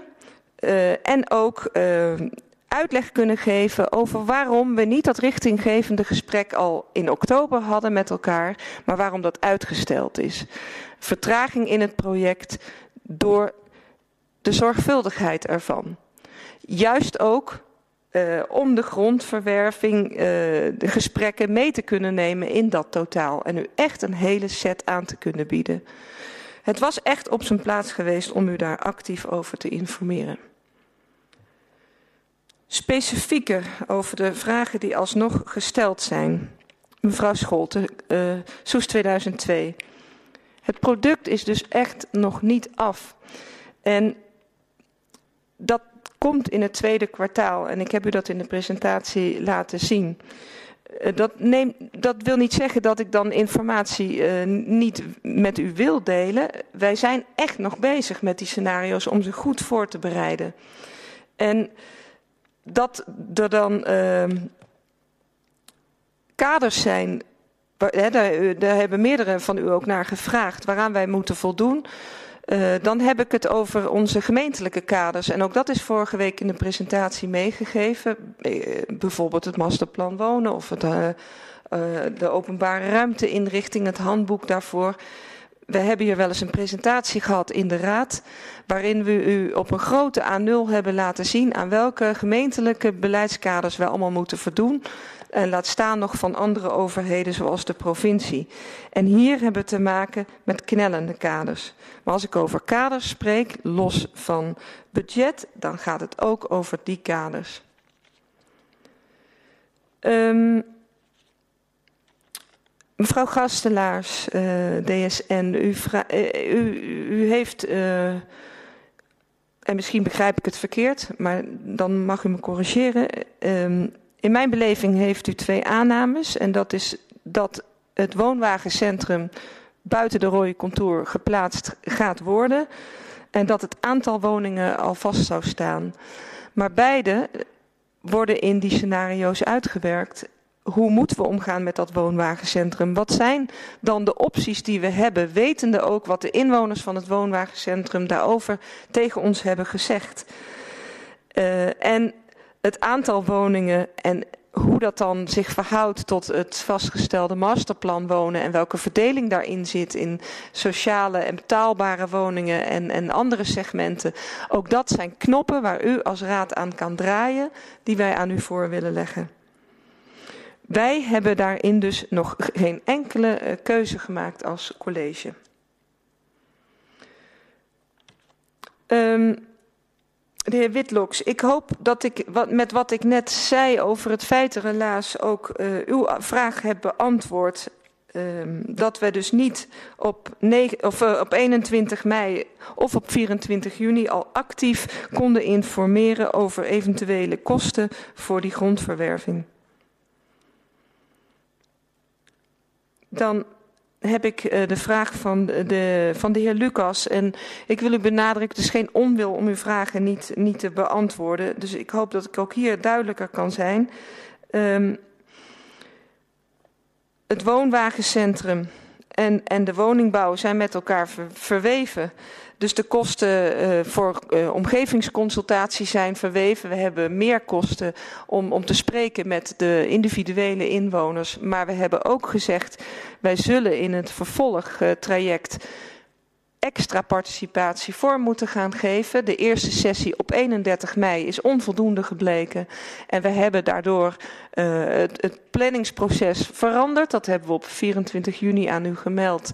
Waarin we zeggen we moeten juist de omgevingsconsultatie beter doen.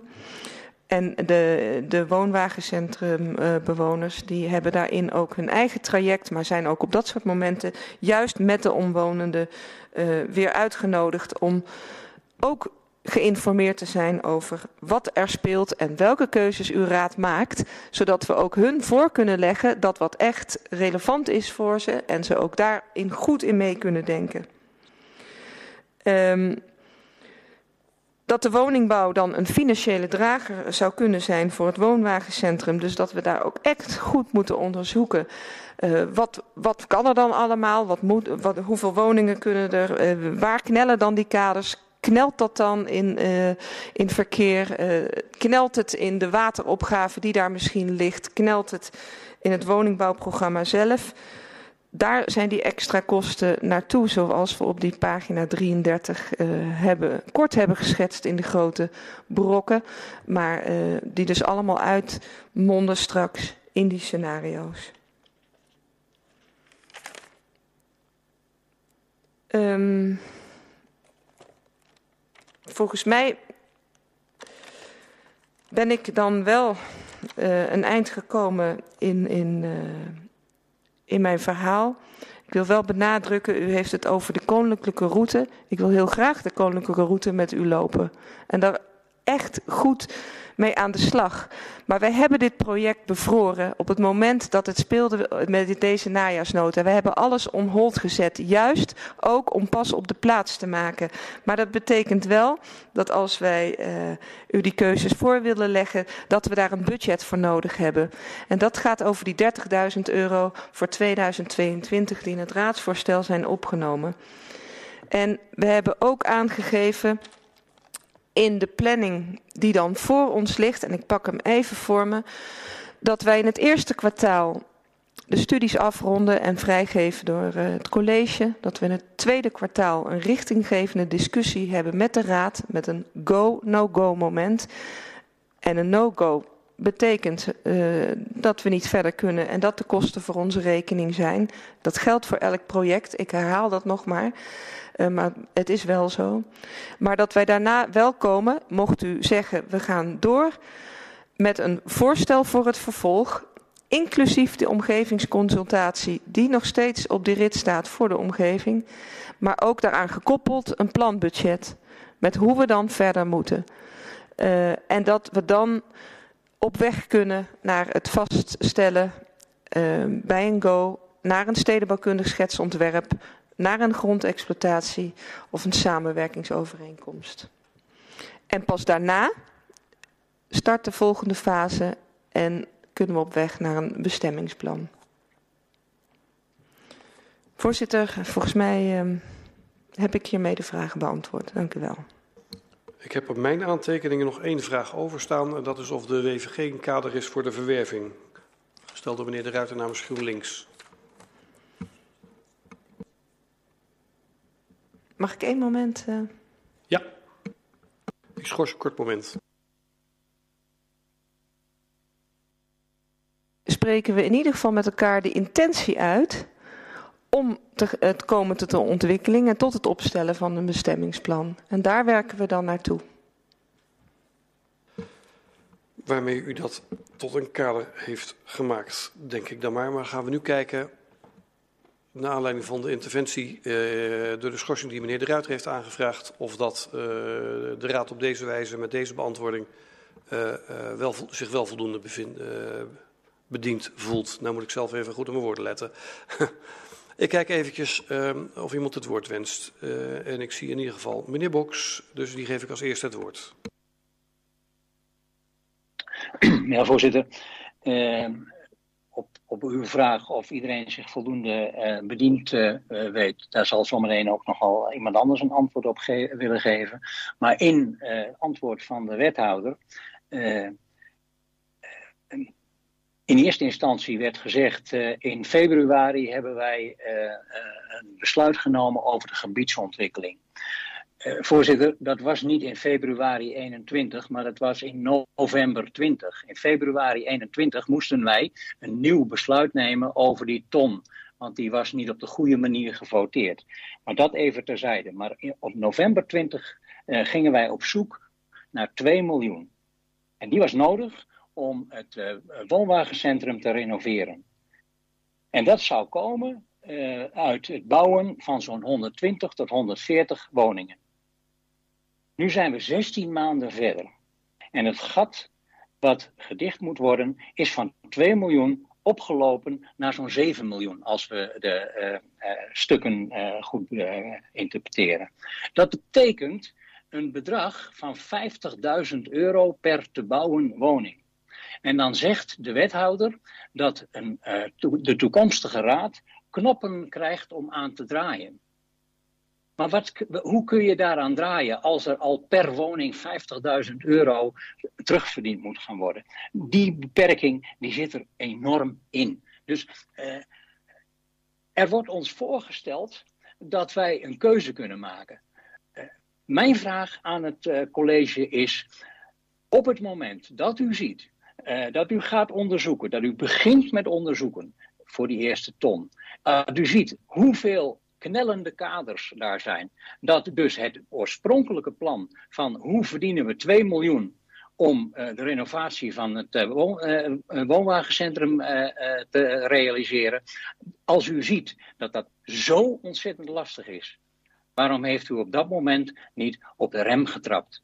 Want dat is wat er nu voor ligt. Volgens mij is er op dit moment voldoende gegeven om dat verhaal wat in het eerste kwartaal zou komen, om dat af te maken en dat dan maar eens aan de Raad voor te leggen. Tot zover, dank u wel. Dank u wel, meneer Boks. Namens de fractie van LAS, meneer Lucas, CDA. Ja, voorzitter, dank. Uh, dank in ieder geval voor de poging om, uh, om mij te overtuigen van wat u aangeeft, wat eigenlijk niet meer is dan een herhaling van wat u eerder heeft uh, gezegd.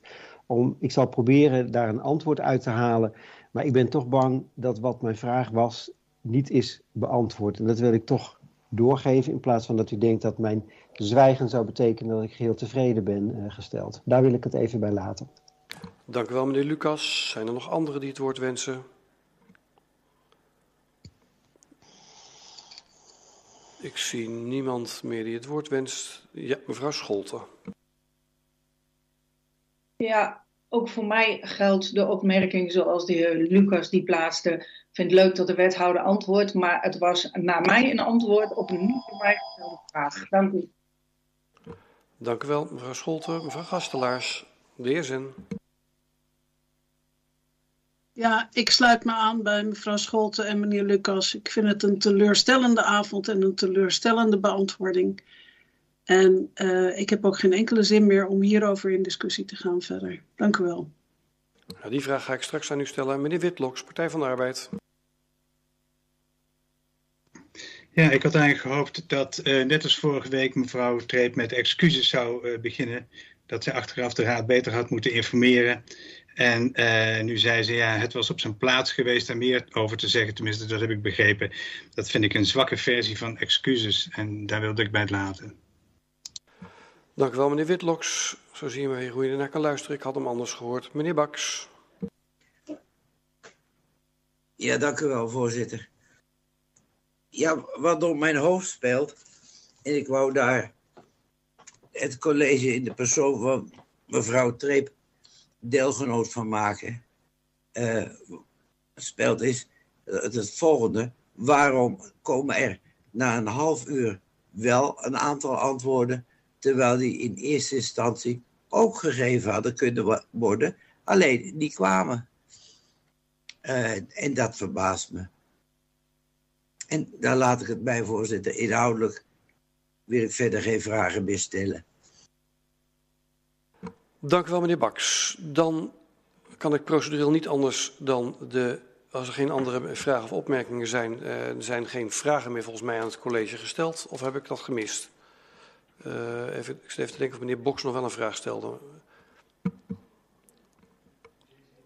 Oh ja, ja voorzitter, het ging om de beperkte mo mogelijkheid van knoppen draaien. Ja, precies. Nee, ik, ik, het stond mij uh, bij, dus de 7, de 7 miljoen zal ik maar zeggen. Uh, en de knoppen. Ja, fijn dat u me nog even aanvult, dan blijf ik scherp. Mevrouw Treep. Uh, ja, de heer Boeks, um, de 7 miljoen is, is mij onbekend. Die hebben wij niet opgeschreven. Uh, wij proberen u uh, een uh, aantal scenario's met verschillende uitkomsten van een GEX voor te leggen. waaraan u aan knoppen kunt draaien. En daar zit nog, vooralsnog niet een 7 miljoen negatief vanuit onze kant bij. Wat niet... Voorzitter, bij interruptie. Ja, meneer Boks. Uh, die 7 miljoen die heb ik uh, zelf dan maar even bij elkaar gescharreld. Uit de informatie die wij hebben gekregen. Als je alleen al kijkt naar uh, de 3 miljoen die het kost om de verkeersontsluiting op een fatsoenlijke manier te doen. Die misschien wel door zou kunnen lopen naar 5 miljoen. En we hebben die 2 miljoen nog van, van het woonwagencentrum. Uh, ik hoorde daar uh, van de collega's dat het inmiddels, maar dat is mij dan ontgaan, ook al was doorgelopen naar 4 miljoen. Dus uh, dat, dat zijn de getallen die, die er rondzweven. Nou, ik zou het mooi vinden als het college die getallen nou eens op een rij zou zetten. en dat aan de raad zou melden. Want dan denk ik dat we heel snel klaar zijn. Dank u wel. Dat is helder. Ik kijk naar wethouder Treep. Ehm, om te kijken of ze daar het licht over kan laten schijnen.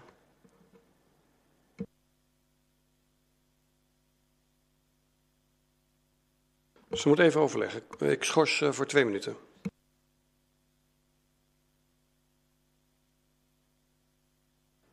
Wethouder Treep.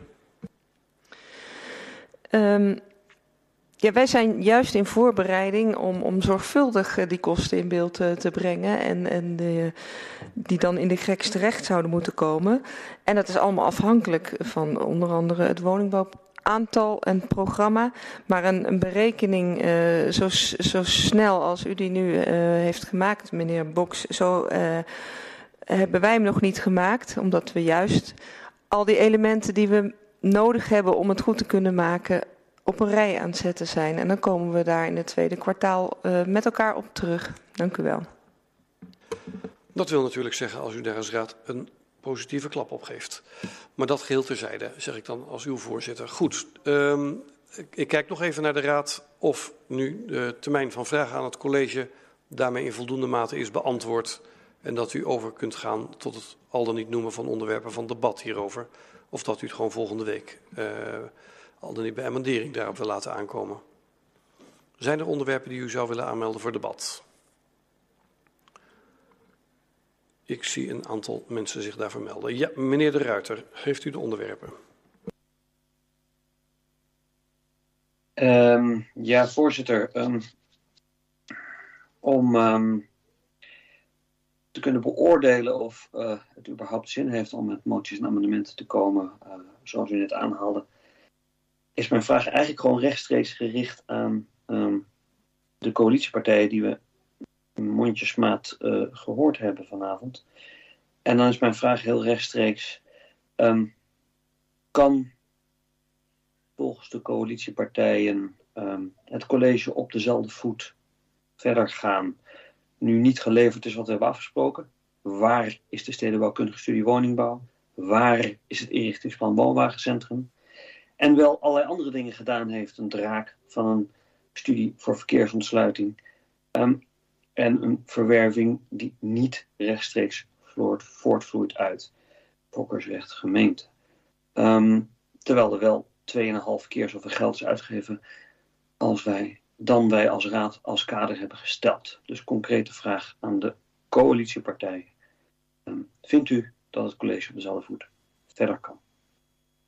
Zo heb ik hem genoteerd. Ik ga kijken naar mevrouw Flinteman, die heeft ook nog een onderwerp.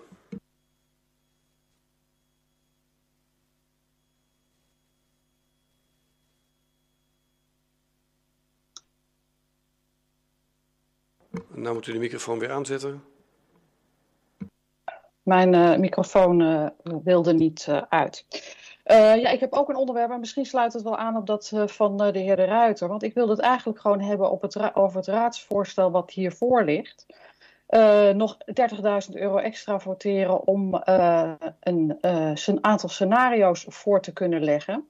En dat is omdat wij vinden als uh, D66 dat je een besluit moet nemen gebaseerd op feiten en gebaseerd op goede onderzoeken. Anders kan je geen besluit nemen. En er is, zijn hier nu heel veel aannames, uh, eigen uh, optelsommetjes op bierveeltjes bij wijze van spreken. Langs zijn er langsgekomen. reacties op plannen die er nog helemaal niet zijn. Dus um, nou ja, daar sorteer ik een beetje voor op onze mening. Maar ik zou het graag over het ra voorliggende raadsvoorstel willen hebben, voorzitter. Vindt u het goed als ik dan bij de vragen als volgt samenvat? De, uh, meneer De Ruiter vraagt namens een aantal partijen, schat ik in, kan het college, aan de coalitiepartijen kan het college op deze voet verder? En mevrouw Flinteman speelt de bal terug met de vraag, is de, zijn de oppositiepartijen bereid om 30.000 euro extra uit te geven, uh, zodat er over voldoende informatie is om te kunnen beslissen over scenario's? Nou, dat lijkt me dat u die vragen um, tegelijkertijd zou kunnen willen behandelen. Uh, meneer Boks heeft mij gisteren gewezen dat ik uh, vergeten was om, de, om een mogelijkheid te geven voor de inleiding. Nou weet ik of niet of we na het hele debat nog behoefte hebben aan een uitgebreide inleiding, maar ik geef in ieder geval de gelegenheid daarvoor. Meneer De Ruiter, wilt u nog uitgebreid inleiden of is dit voldoende behandeld tot dusver? Ik ben benieuwd naar het antwoord van de coalitiepartij. Voorzitter, ik heb geen behoefte aan verder inleiding. Dat dacht ik al. En ik denk dat mevrouw Flinteman er op dezelfde wijze over denkt. Dus dan ga ik gewoon inventariseren uh, of er uh, voldoende, uh, wie, wie wil gaan reageren, waarop en hoe. En ik zie in ieder geval mevrouw Walraven dat die de hand opsteekt om, om in ieder geval, ik denk de eerste vraag te beantwoorden, want die is aan de coalitiepartij gericht. Mevrouw Walraven namens de ChristenUnie SGP, heeft u nu het woord. Ja, dank u wel voorzitter. Um, allereerst wil ik mijn verbazing uitspreken over hoe het vanavond allemaal gaat. Omdat ik uh, denk van, ik hoor toch hele andere dingen. Ik zie een college wat uh, veel gedaan heeft, uitgebreide informatie heeft gegeven. Eigenlijk veel meer informatie als nodig is als waar het raadsvoorstel gaat. Ook wat mevrouw Flinteman zegt van, laten we het over het raadsvoorstel hebben. Um, maar goed, dit alles is gebeurd naar aanleiding van het woonwagencentrum, om dat brandveilig te maken. En uh, nou, voor de korte termijn is daar al wat gebeurd. En nu komt er voor de langere termijn wat. En dat gaat, nou, gaat blijkbaar 2 miljoen kosten. Waarschijnlijk misschien eerder, maar goed, dat komt later. Maar dit probleem was al voor 2018 bekend. En ik vind juist zo mooi, er is vanavond ook al de term transparant gevallen, dat dit college heel transparant heeft gehandeld. Want die heeft dit uh, dossier juist het kop uit de zand dossier genoemd. En is hiermee aan de gang gegaan en heeft daar uh, nou, naar, serieus naar gekeken. En ook er is een serieuze stap gemaakt om uh, te kijken wat daar ontwikkeld kan worden. En bij ontwikkelen, daar, daar komen risico's bij te kijken. En de, de wethouder heeft heel duidelijk haar excuses gemaakt, ook vanavond weer en ook op de informatieavond, dat het niet echt allemaal helemaal goed is gegaan zoals het hoort. En aan de andere kant is het iets wat gewoon in de PNC-cyclus uh, hoort. Bij de drie O's hebben we vanavond ook duidelijk uitgelegd gekregen door het college. En ja, deze, vinden we, deze verschillen vinden wij heel duidelijk. En ik vind ook dat wat er nu gebeurt eigenlijk wel een beetje buiten proportie is. Op deze manier politiek uh, spelen is eigenlijk niet wat wij als ChristenUnie SGP voorstaan. Hier zitten onze inwoners niet op te wachten en hier is niemand mee gediend. En daar wil ik het bij laten. Dank u wel, voorzitter. Dank u wel, mevrouw Walraaf. U spreekt namens de fractie van de ChristenUnie SGP. Meneer Van der Torre, VVD. Ja, dank u wel, uh, voorzitter. Laat ik even vooropstellen. Initieel zouden we hier vanavond uh, praten over een onderdeel van de najaarsnota. Uh, gewoon een financieel document. En niet praten over ruimtelijke ordening. Er ligt een opdracht van de Raad uh, voor dit gebied waar we nu over hebben. Een belangrijk project voor zowel inwoners, ja, de inwoners van het uh, kamp De Meent, maar ook voor woningzoekenden. Wat is er gebeurd? Er is een overschrijding geweest van het budget. Dat gebeurt wel vaker en dat wordt verantwoord in de najaarsnota volgens de PNC-cyclus. Ik kan me herinneren dat in die najaarsnota wel grotere bedragen zijn uh, opgevoerd in het verleden. Onder andere in het sociaal domein. Maar goed, men kijkt natuurlijk ook naar procent en dat snap ik wel. Maar de grootte van het bedrag is uh, absoluut vaker voorgekomen. En waar we dan vaak naar kijken is van uiteindelijk het doel wat we daarmee willen bereiken. Maar goed, uh, wel was het uiteraard netter geweest als de wethouder die forse overschrijding ook tussentijds aan de raad had gemeld. Dat heeft ze niet gedaan, dat is jammer. En hiervoor heeft zij dan ook haar excuses aangeboden. Bijkomende vraag is natuurlijk ook daarbij, bij die uitgaven, van zijn die rechtmatig geweest? Uh, zijn de uitgaven gedaan passend bij de beginfase van het project? Uit de antwoorden die gegeven zijn, hebben wij niet kunnen opmaken dat dat niet zo is. Dus wij gaan ervan uit dat dat dus inderdaad is gebeurd en dat geeft ons vertrouwen. Dat die uitgaven hoger waren dan verwacht is vervelend, maar omdat ze zijn onderbouwd, zij het op een laat moment, is voor ons wel heel erg belangrijk. Met andere woorden, het verdient niet de schoonheidsprijs, maar het is niet zodanig uh, dat wij zeggen je moet dit opblazen tot een vertrouwenskwestie. Dat gaat ons echt te ver. Het is ook al door de vorige spreker gezegd, onze inwoners zitten echt niet te wachten op een avondje politiek die gelijk halen. Onze inwoners willen graag duidelijkheid over de plannen bij de meent. Wat gaat er gebeuren? Wanneer gaat het gebeuren?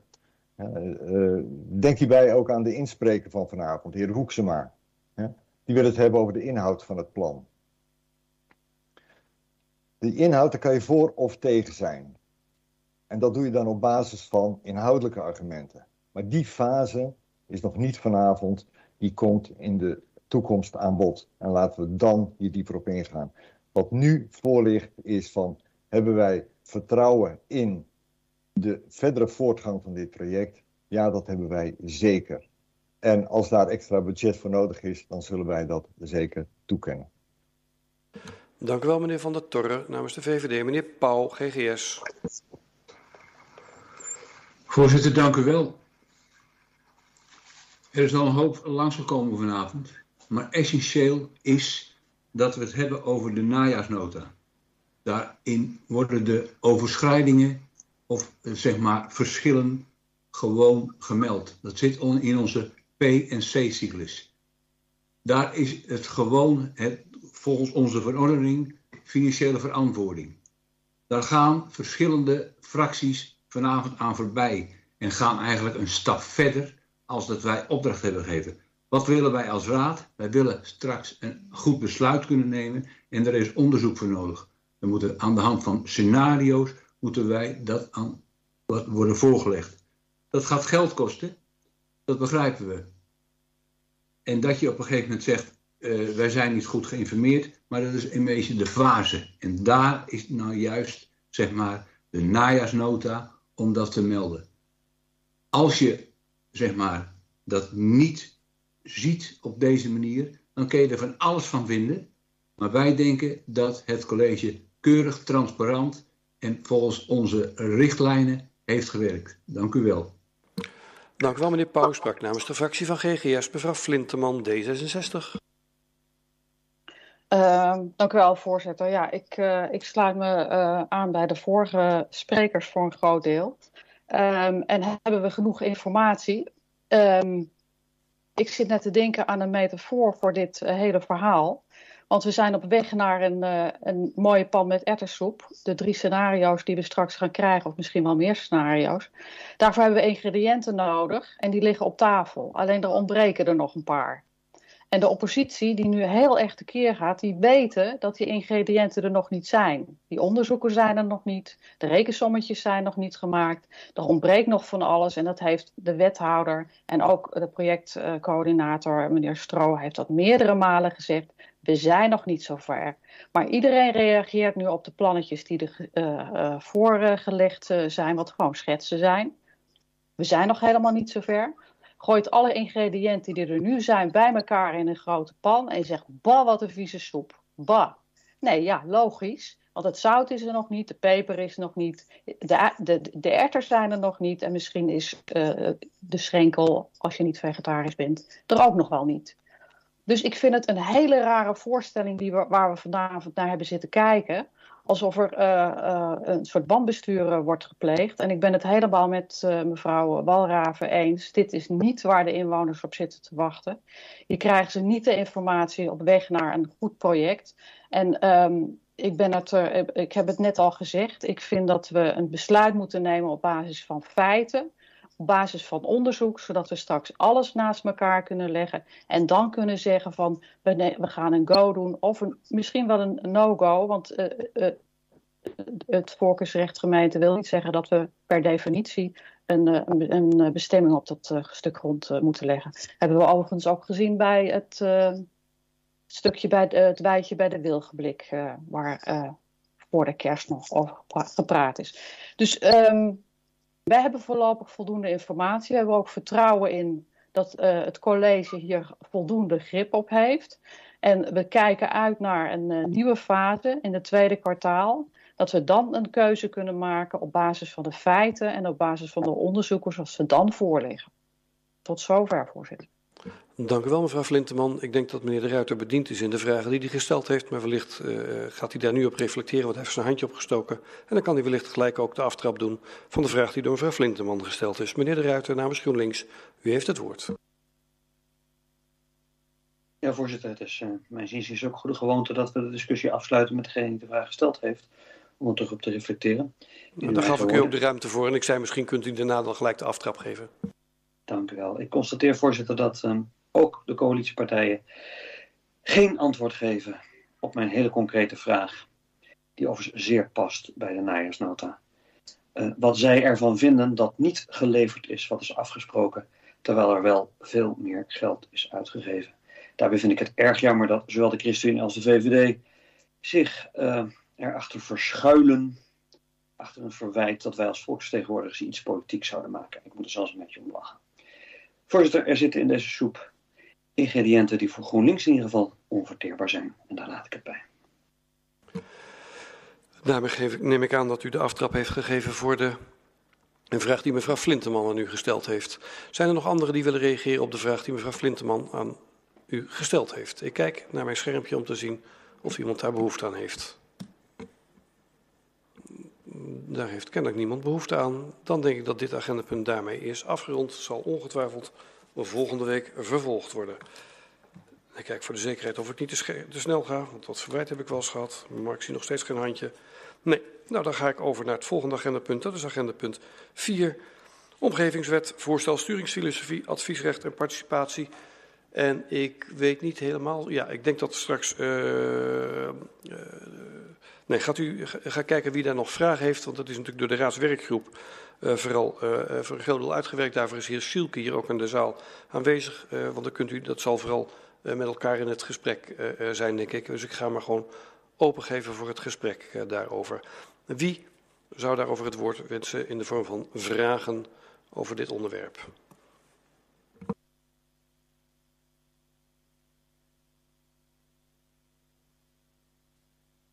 Ik zie mevrouw de Beek Suikerbuik van de fractie van GroenLinks. Trapt u af, mevrouw de Beek Suikerbuik. Ja, uh, dank u wel. Um, nou goed, ik was zelf onderdeel van de werkgroep. Dus ik heb op zich niet zozeer behoefte om discussie te aan te gaan met mijn uh, werkgroepsleden. In ieder geval niet op dit moment. Ik had wat vragen aan de wethouder. Uh, dus ik hoop dat, die, dat ik deze op die, dit moment zou kunnen stellen. Jazeker, dat is ik zie ook, dat kan ook. Een heel klein cameraatje. Top. Goed. Nou, mag ik eindelijk na drie uur ook van, uh, van stal. Um, goed, kijkend naar het onderwerpvoorstellen van de sturingsfilosofie um, en dan vooral naar de indeling van de schuifjes, dan springt mij direct de inspreker van, tijdens de avond samenleving uh, in het oog, namelijk de heer Johan Driessen. Hij liep op tegen een uh, onwelwillende gemeente in zijn woorden dan in een poging om samen met zijn buurtbewoners tiny houses te realiseren. Uh, onze hoop is absoluut dat met de voorliggende sturingsfilosofie, als die tenminste wordt aangenomen, er meer ruimte is voor co-creatie daadwerkelijk met onze inwoners. Alleen, met deze nieuwe sturingsfilosofie is het college ook meer aan zet. En zoals jullie ongetwijfeld zullen begrijpen, zit hier enig ongemak van ons. Want namelijk heeft het college wel de juiste voelsprieten om tijdig naar de raad terug te komen bij gevoelige onderwerpen, ook wanneer de raad officieel niet aan zet is op het moment dat zij hier geen adviesrecht over heeft. Ik denk bijvoorbeeld aan het ondertussen zeer bekende eerste Hezeslaantje. Het college was op dat moment namelijk van mening dat zij een goed plan hadden, terwijl er een hoop raadsleden hier het absoluut niet mee eens waren en liever een heel ander plan hebben gezien. Zou het college met de kennis van nu hier anders mee om zouden gegaan op het moment dat zij in de, in de geest van de wet zouden moeten handelen? Of uh, laat, ik hem beter, laat ik hem duidelijker stellen. Um, op het moment dat het eerste Hezeslaantje in de nieuwe wet voor zou komen te liggen, zou de, wet, uh, zou de wethouder dan toch langs de raad zijn gekomen, ook al hebben wij daar officieel geen adviesrecht om. Uh, ten tweede, um, in de nieuwe wet mogen wij geen eisen stellen aan de vorm van participatie. Um, een initiatiefnemer zou zich er zeer gemakkelijk van af kunnen maken. Wat is het college van plan om te doen om duidelijk te maken naar de inwoners dat wij daar geen eisen aan mogen stellen om eventueel teleurstelling bij inwoners te voorkomen op het moment dat de participatie niet, niet kwalitatief uh, voldoende is. En als laatste, uh, ik zou de wethouder graag een fictief voorbeeld willen voorleggen. Um, en dat is wel de volgende. 11 woningen in het stedelijk gebied in het Soesterveen. De raad zal in het voorstel zoals die nu voor ligt, zal daar in de toekomst niet over gaan. Namelijk de grens is 12 woningen. Op welke wijze zal de wethouder daarmee omgaan, gezien de gevoeligheid die daarin is, in zowel in de samenleving als in deze raad? Dank u wel. Dank u wel. En ik begrijp dat u zegt dat als u de wethouder aanspreekt, dat u het college bedoelt. Uh, Excuses. Ja, ja. Nou, maar ik probeer maar even, want het is, uh, het is altijd de vraag naar verkiezingen welke wethouders we hebben natuurlijk. Uh, en wat, het, uh, wat is, de stijl van het college is. Dus dat, maar ik ga kijken wat het college straks beantwoordt, want de vragen zijn natuurlijk wel leuk. Ehm, ik ga kijken wie er nog meer vragen heeft, al dan niet aan het college of aan, over dit onderwerp. En toen bleef het in mijn schermpje stil. Dan ga ik even kijken, um, want de vragen waren aan het college, maar ik weet niet ook of u vanuit de werkgroep nog iets wil zeggen, meneer Stielke. Nee, dan gaat het college. Mevrouw Treep namens het college. Ja, dank u wel, voorzitter. Ja, dit is natuurlijk uh, een, stuk uh, van de raadswerkgroep uh, zelf. Daar zat ik zelf ook in. Ik wil even van de gelegenheid gebruik maken om de raadswerkgroep heel hartelijk te danken voor dit werk. We zijn echt maanden aan de slag geweest om dit stuk voor elkaar te krijgen. En we hebben net te horen gekregen dat de omgevingswet toch uitgesteld gaat worden. Maar elke fractie was vertegenwoordigd. Uh, ambtelijke ondersteuning uh, voltallig aanwezig om mee te denken met een, een, voorzitter in de vorm van de heer Sielke van D66. En we hebben deze raadswerkgroep, uh, nou ja, we hebben in ieder geval elkaar bedankt in de laatste sessie voor de goede samenwerking en de constructieve houding tijdens al die ingewikkelde materie die we toch maar met z'n allen voor onze kiezen krijgen. Want die omgevingswet is voor ons allemaal zoeken. Hoe gaat dadelijk het werkproces uh, in elkaar steken? Hoe gaan we als raad en uh, college met elkaar om? En uh, gaandeweg zullen we dat met elkaar moeten ondervinden. En ik ben heel erg blij dat we als afronding daarvan nu een voorstel hebben liggen voor de hele raad. Uh, en dat zou ook, mijns inziens, een, een prachtig cadeau zijn aan de volgende raad om uh, in te kunnen stappen. Wanneer die wet dan ook ingaat. Want de keuzes zijn moeilijk en we moeten de eerste stap maken en zeker gaan oefenen met elkaar. Dat vooraf. Dan um, heeft u concrete vragen, mevrouw de Beek Suikerbuik. En sommige zijn zelfs bijna aan een uh, wethouder uh, ruimtelijke ordening gesteld. Maar goed, plannen komen uiteindelijk bij het college soms en niet bij de raad. En dat is wel een wezenlijk verschil. En we hebben daarvoor inderdaad wat stappen gezet. En afspraken gemaakt wanneer wel en wanneer niet. En dan gaat het inderdaad over dat grijze gebied daartussen. Wanneer is iets politiek gevoelig? En zou je eigenlijk toch daar als raad wat over willen zeggen? En ik begrijp die vraag. We hebben hem ook in de raadswerkgroep voor gehad. En we hebben keuzes gemaakt. Bijvoorbeeld, zoals u zelf zegt, twaalf woningen in het uh, binnenstedelijk gebied. En één uh, als het buitenstedelijk is. Maar dat maakt wel dat we altijd die afweging moeten maken. En dat is uh, zoeken en gaandeweg leren. En ik hoop dat een volgend college, als die omgevingswet van kracht is en we oefenen, ook daadwerkelijk die voelsprieten uh, verder ontwikkelt. Um, maar in, in beginsel al uh, op zijn hoofd heeft staan, zeg ik dan maar. En dat is afwachten. Um, maar dat is wel, zoals we het in de raadswerkgroep met elkaar besproken hebben en gezegd, als het dan echt aan de orde is en het is gevoelig, dan moeten we daar zeker wat mee. En dan is het heel logisch om naar de raad te komen.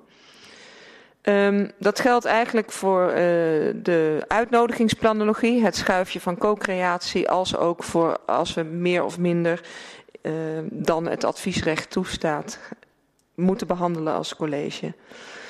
Het klopt dat er geen eisen zijn aan de vorm van participatie. En daar hebben we in de raadswerkgroep, heeft u daar heel uitbundig over gesproken. Omdat dat best wel eens lastig is. We zien inderdaad verschillende vormen van participatie, zowel bij onszelf als gemeente, maar ook bij ontwikkelaars en initiatiefnemers. En we zien dat dat varieert. Dat varieert van uh, een, een, korte avond uh, tot meer. Nou, we hebben in het vorige onderwerp daar ook over gesproken. Over hoe ingewikkeld dat is. En dat je daar dus geen eisen aan kan stellen. Maar we zijn wel bezig met een zogenaamde participatie toolkit. Uh, de gereedschapskist waarin wij uh, handreiking doen richting een initiatiefnemer. Van waar moet je nou op letten met je initiatief? Welke impact maakt het? En wie moet ik dan uh, betrekken bij de participatie? Alleen de buur, of de hele buurt, of het hele dorp. En daar kunnen wij vooraf in gesprekken als gemeente ook echt wel uh, proberen in gesprek te raken met de initiatiefnemer om die toolkit aan te reiken en zeggen: kijk, dit is toch wel hoe wij het graag zouden zien. En uh, u bent vrij om dat vervolgens zelf in te vullen. Um, geen eisen dus, maar wel een idee van hoe dat moet. En ook dat, denk ik dat de raadswerkgroep onderschrijft, is uh, nou ja, dat zullen we met, moeten ondervinden met elkaar. Um, ja, dat dat dan teleurstelling links en rechts teweeg zal brengen. Ja, ik zou bijna zeggen dat dat, dat zal inderdaad ge gebeuren. En dan moeten we bijsturen en uh, nou, toch wat steviger aandringen bij de initiatiefnemer om, om uh, dat te verbeteren. Dank u wel. Dank u wel, wethouder Treep. Naar aanleiding van de vraag gesteld door mevrouw Tebeek Suikerbuik. Ik kijk of zij uh, daar nog uh, iets over wil zeggen. Nee, dan ga ik nu kijken of er mensen zijn die naar aanleiding van dit onderwerp een debat willen voeren. En of er onderwerpen voor worden aangedragen. Nee. Dat had ik anders ingeschat. Goed, uh, maar dat, uh, dat is uh, niet zo belangrijk. Ehm, dan, dan, sluit ik dit agendapunt op, dat, op dat onderwerp en dan ga ik over naar agendapunt 5. De omgevingswet, het delegatiebesluit. Zijn daarover vragen? Ook sla 4 over, ja, neemt u me niet kwalijk. Ja. ja, voorstel van orde hoor ik meneer de Wolf, maar ik sla 4 over. staat het over volgens mij. Ja, ja, u heeft gelijk. Ik, ik werd al gecorrigeerd door, mijn, door, mijn, uh, door de aanwezigen in de zaal. Van, van drie gaan we naar. Nee, vier hadden we toch voorstel tot sturingsfilosofie. Dan gaan we toch nu naar het delegatiebesluit, hoor. Doet het wel goed, dus ik weet niet wie. Verplichte adviescommissie. Nee, dat staat zes.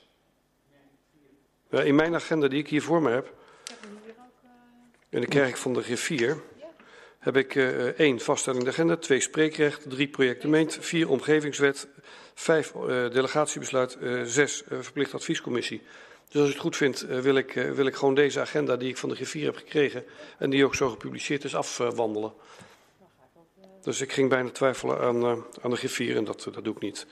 Dus ik, ik stel aan de orde omgevingswet en dan het onderwerp delegatiebesluit. Wenst iemand iets over het delegatiebesluit te zeggen? Ik heb in ieder geval één handje, dat is van meneer De Wolf. Namens de fractie van GGS. U heeft het woord. Ja, voorzitter, dank u wel.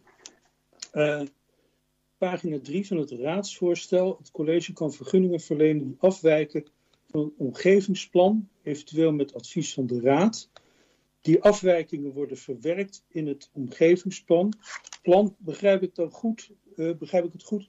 Als ik hier lees dat dit precedenten schept die dan het omgevingsplan gaan veranderen?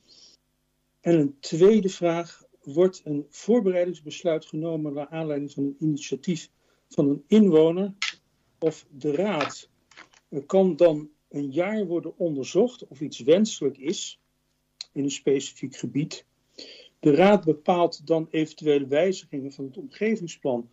Maar dit strookt weer niet met de verkorte beslissingstermijn van de omgevingsvisie. Of heb ik het gewoon niet begrepen? Dat hoor ik graag. Dank u wel.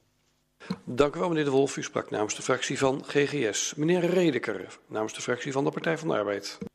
Ja, voorzitter, dank u wel. Ik, ik zou u eigenlijk nog willen vragen, naar aanleiding van de afronding van agenda punt 3, op welke punten u wel uh, debat of discussie had verwacht. Maar dat is denk ik bij dit punt niet meer aan de orde. Uh, uh, voor wat betreft het delegatiebesluit heb ik een vraag aan de wethouder. Uh, en dat heeft betrekking op het onderwerp deregulering. Daarover staat in het stuk dat de deregulering alleen betrekking heeft voor zover dat geen beleidswijzigingen in zich heeft. Maar ik heb daar een slecht beeld bij. En ik vraag me af, de wet, mijn vraag aan de wethouder zou zijn of zij dat misschien wat nader kan duiden. Dank u wel, meneer Redeker. De vraag is genoteerd. Ik kijk even of er nog andere vragen zijn. Nee, dan ga ik nu naar mevrouw Treep voor de beantwoording namens het college.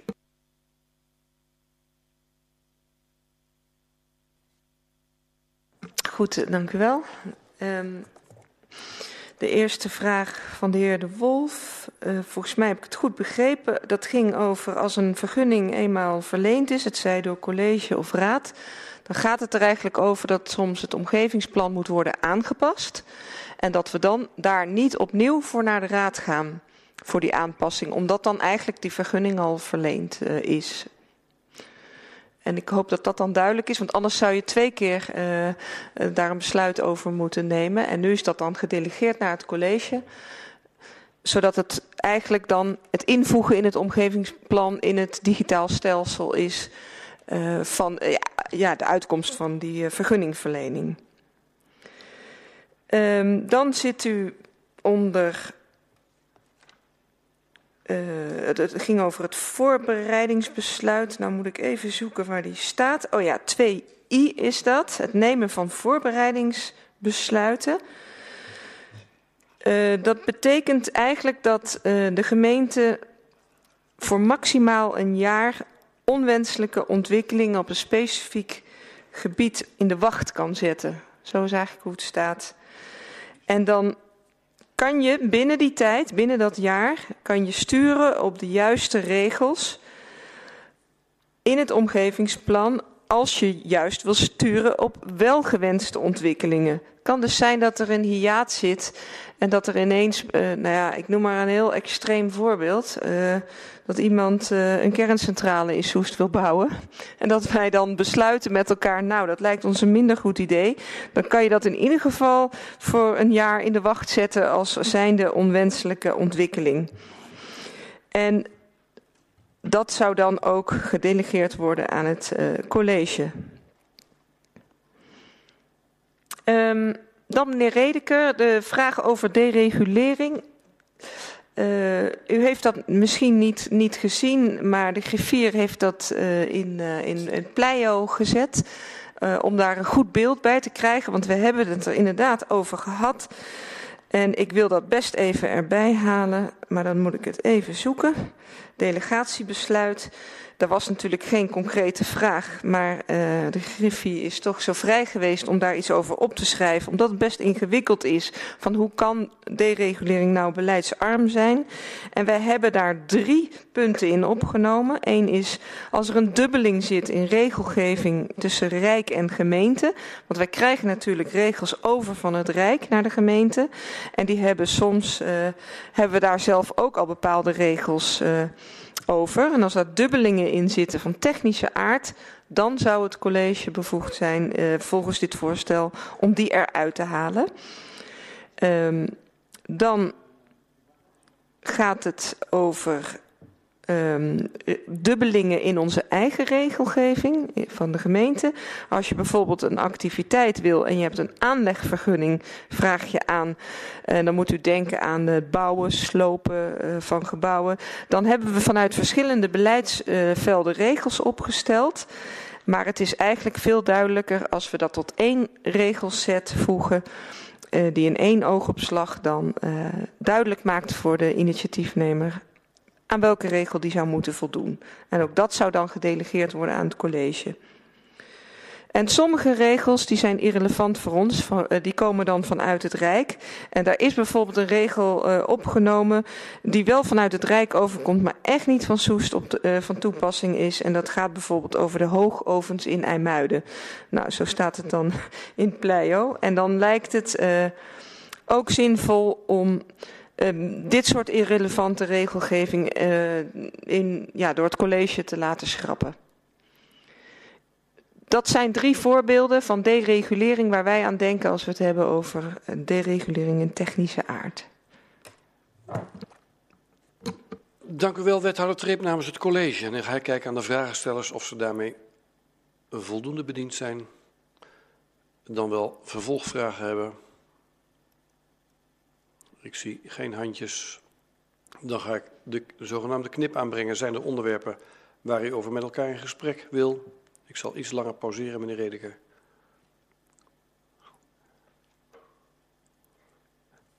Dat is niet het geval. Dan ga ik over naar agenda punt 6. Op mijn agenda zeg ik er dan maar bij. De verplichte adviescommissie. En dan gaat het nog steeds over de omgevingswet. Ik ga kijken of daar vragen over zijn. Ja, in ieder geval meneer Redeker. Meneer Redeker, namens de fractie van de Partij van de Arbeid heeft u nu het woord.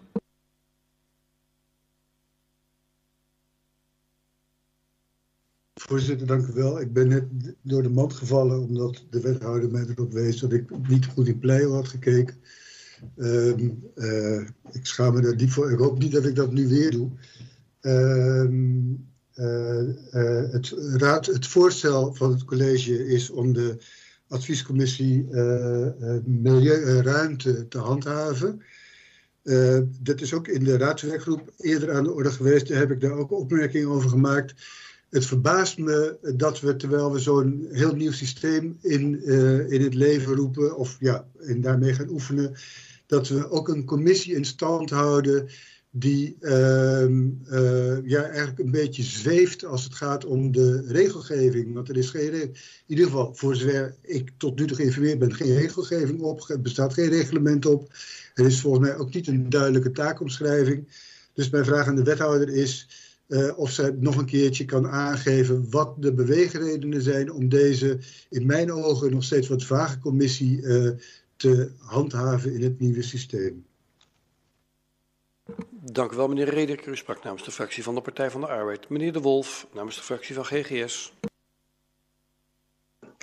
Ja, mijn vraag zou je eigenlijk uh, andersom kunnen opvatten als die van de heer Redeker. Uh, waarom, vraag ik, is er een regeling voor de nieuwe commissie Ruimtelijke Kwaliteit en geen regeling voor de adviescommissie Milieu en Ruimte? Nu heb ik nog een tweede vraag, want ik vind het stuk soms wat tegenstrijdig, wat onbestemd over het samenwerken van die twee raden.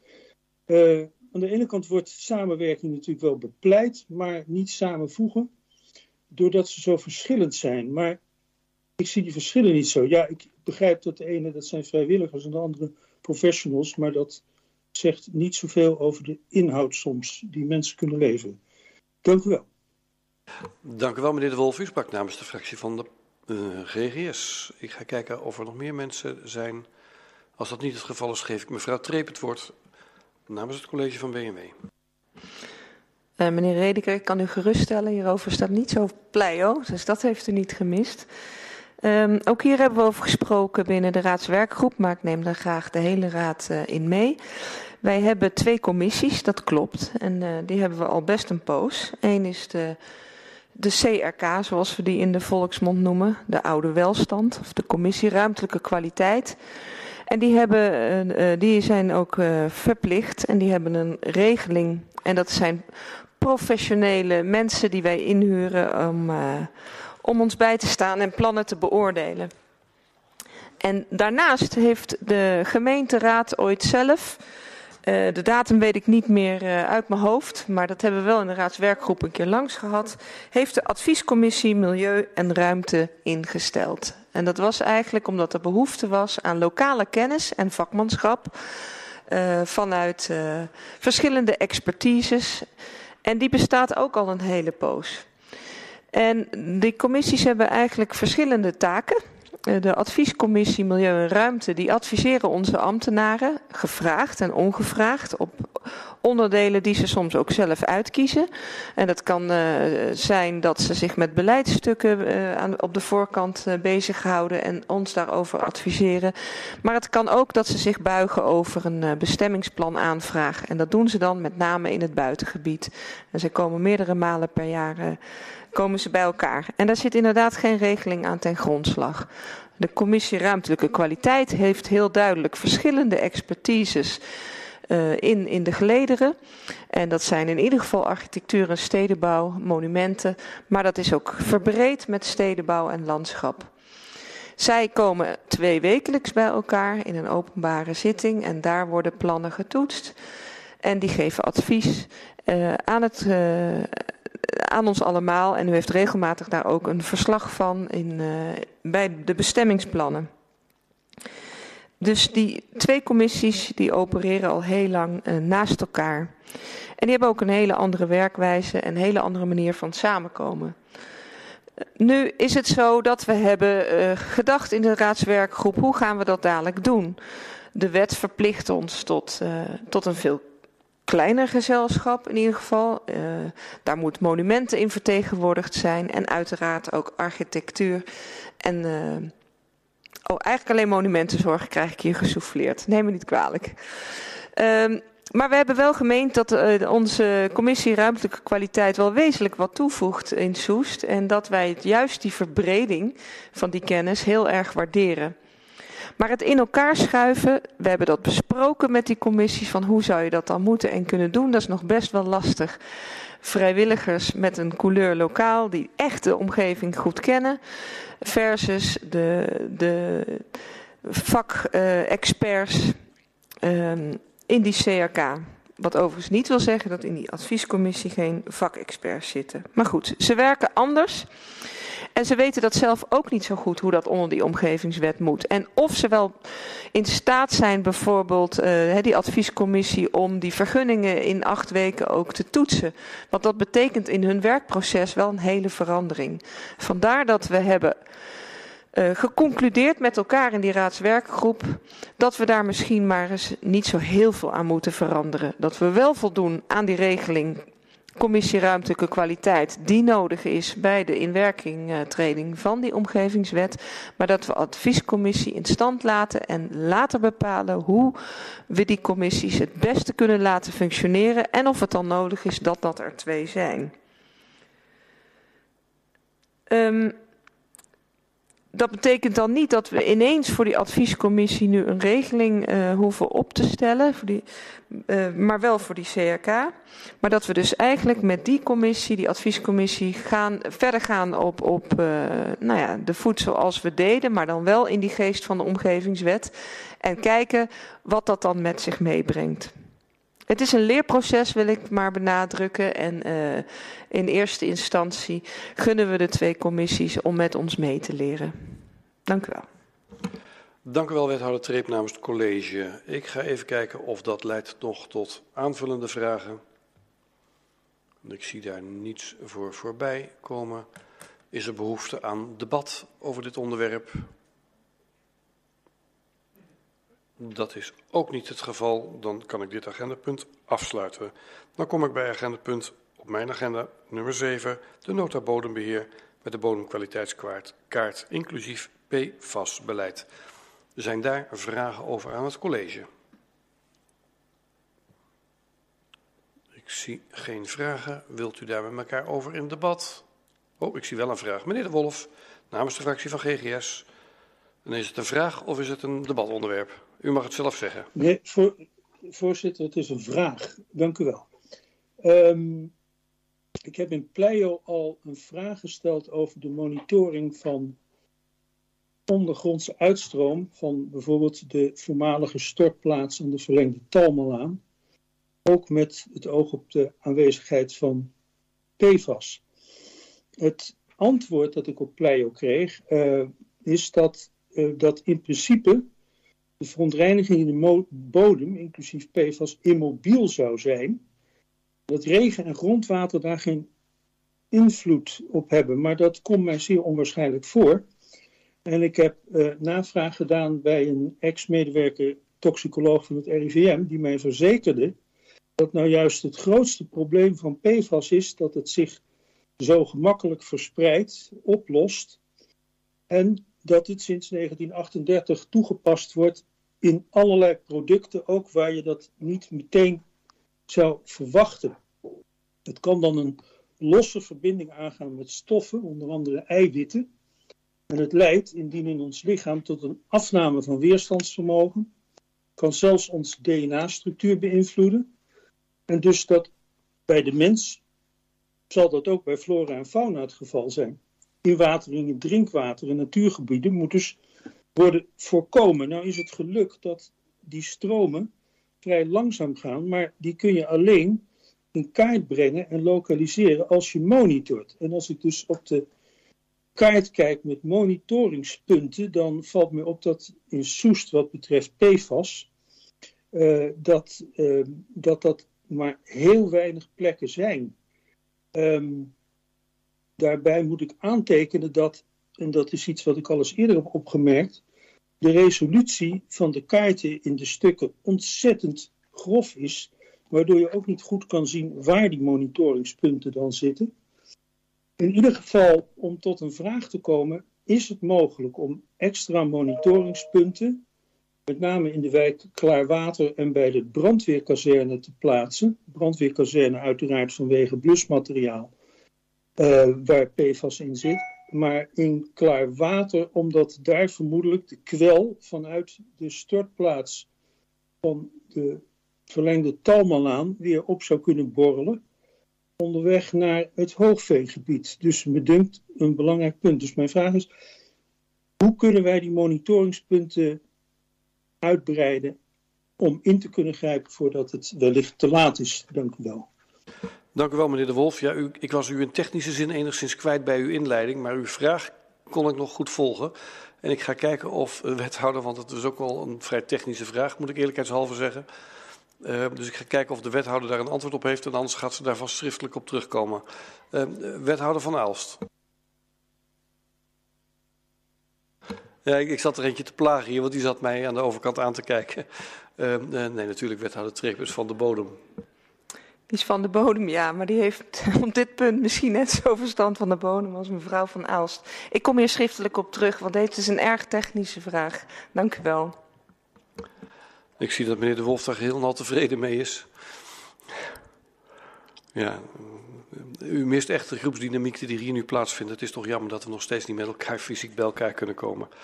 Goed, dat gezegd hebbende, dan ga ik ervan uit, meneer, ik zag u knikken, meneer De Wolf, dat u tevreden was met de beantwoording. Uh, ik ga er niet vanuit dat daar een, maar dat ga ik natuurlijk ter controle stellen of er behoefte is aan debat over dit onderwerp. Nee, dat heb ik dan vastgesteld. En dan ga ik naar over agenda punt 8.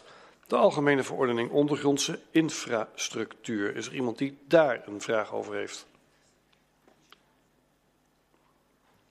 Ik zie geen vragen. Dat doet mij veronderstellen dat er waarschijnlijk ook weinig behoefte is aan debat. Het wordt ook steeds technischer natuurlijk, deze onderwerpen. Als dat ook niet het geval is, dan kom ik bij agenda punt 9 en dat is de sluiting van deze avond. Ik wil u bedanken voor uw bijdrage aan de beraadslagingen. En dit wordt volgende week donderdag ongetwijfeld vervolgd in de besluitvormende raadsvergadering. Uh, in, uh, in dit theater zou ik maar zeggen. Uh, ik dank u voor uw aandacht en voor uw bijdrage en ik wens u een prettige voortzetting van deze avond.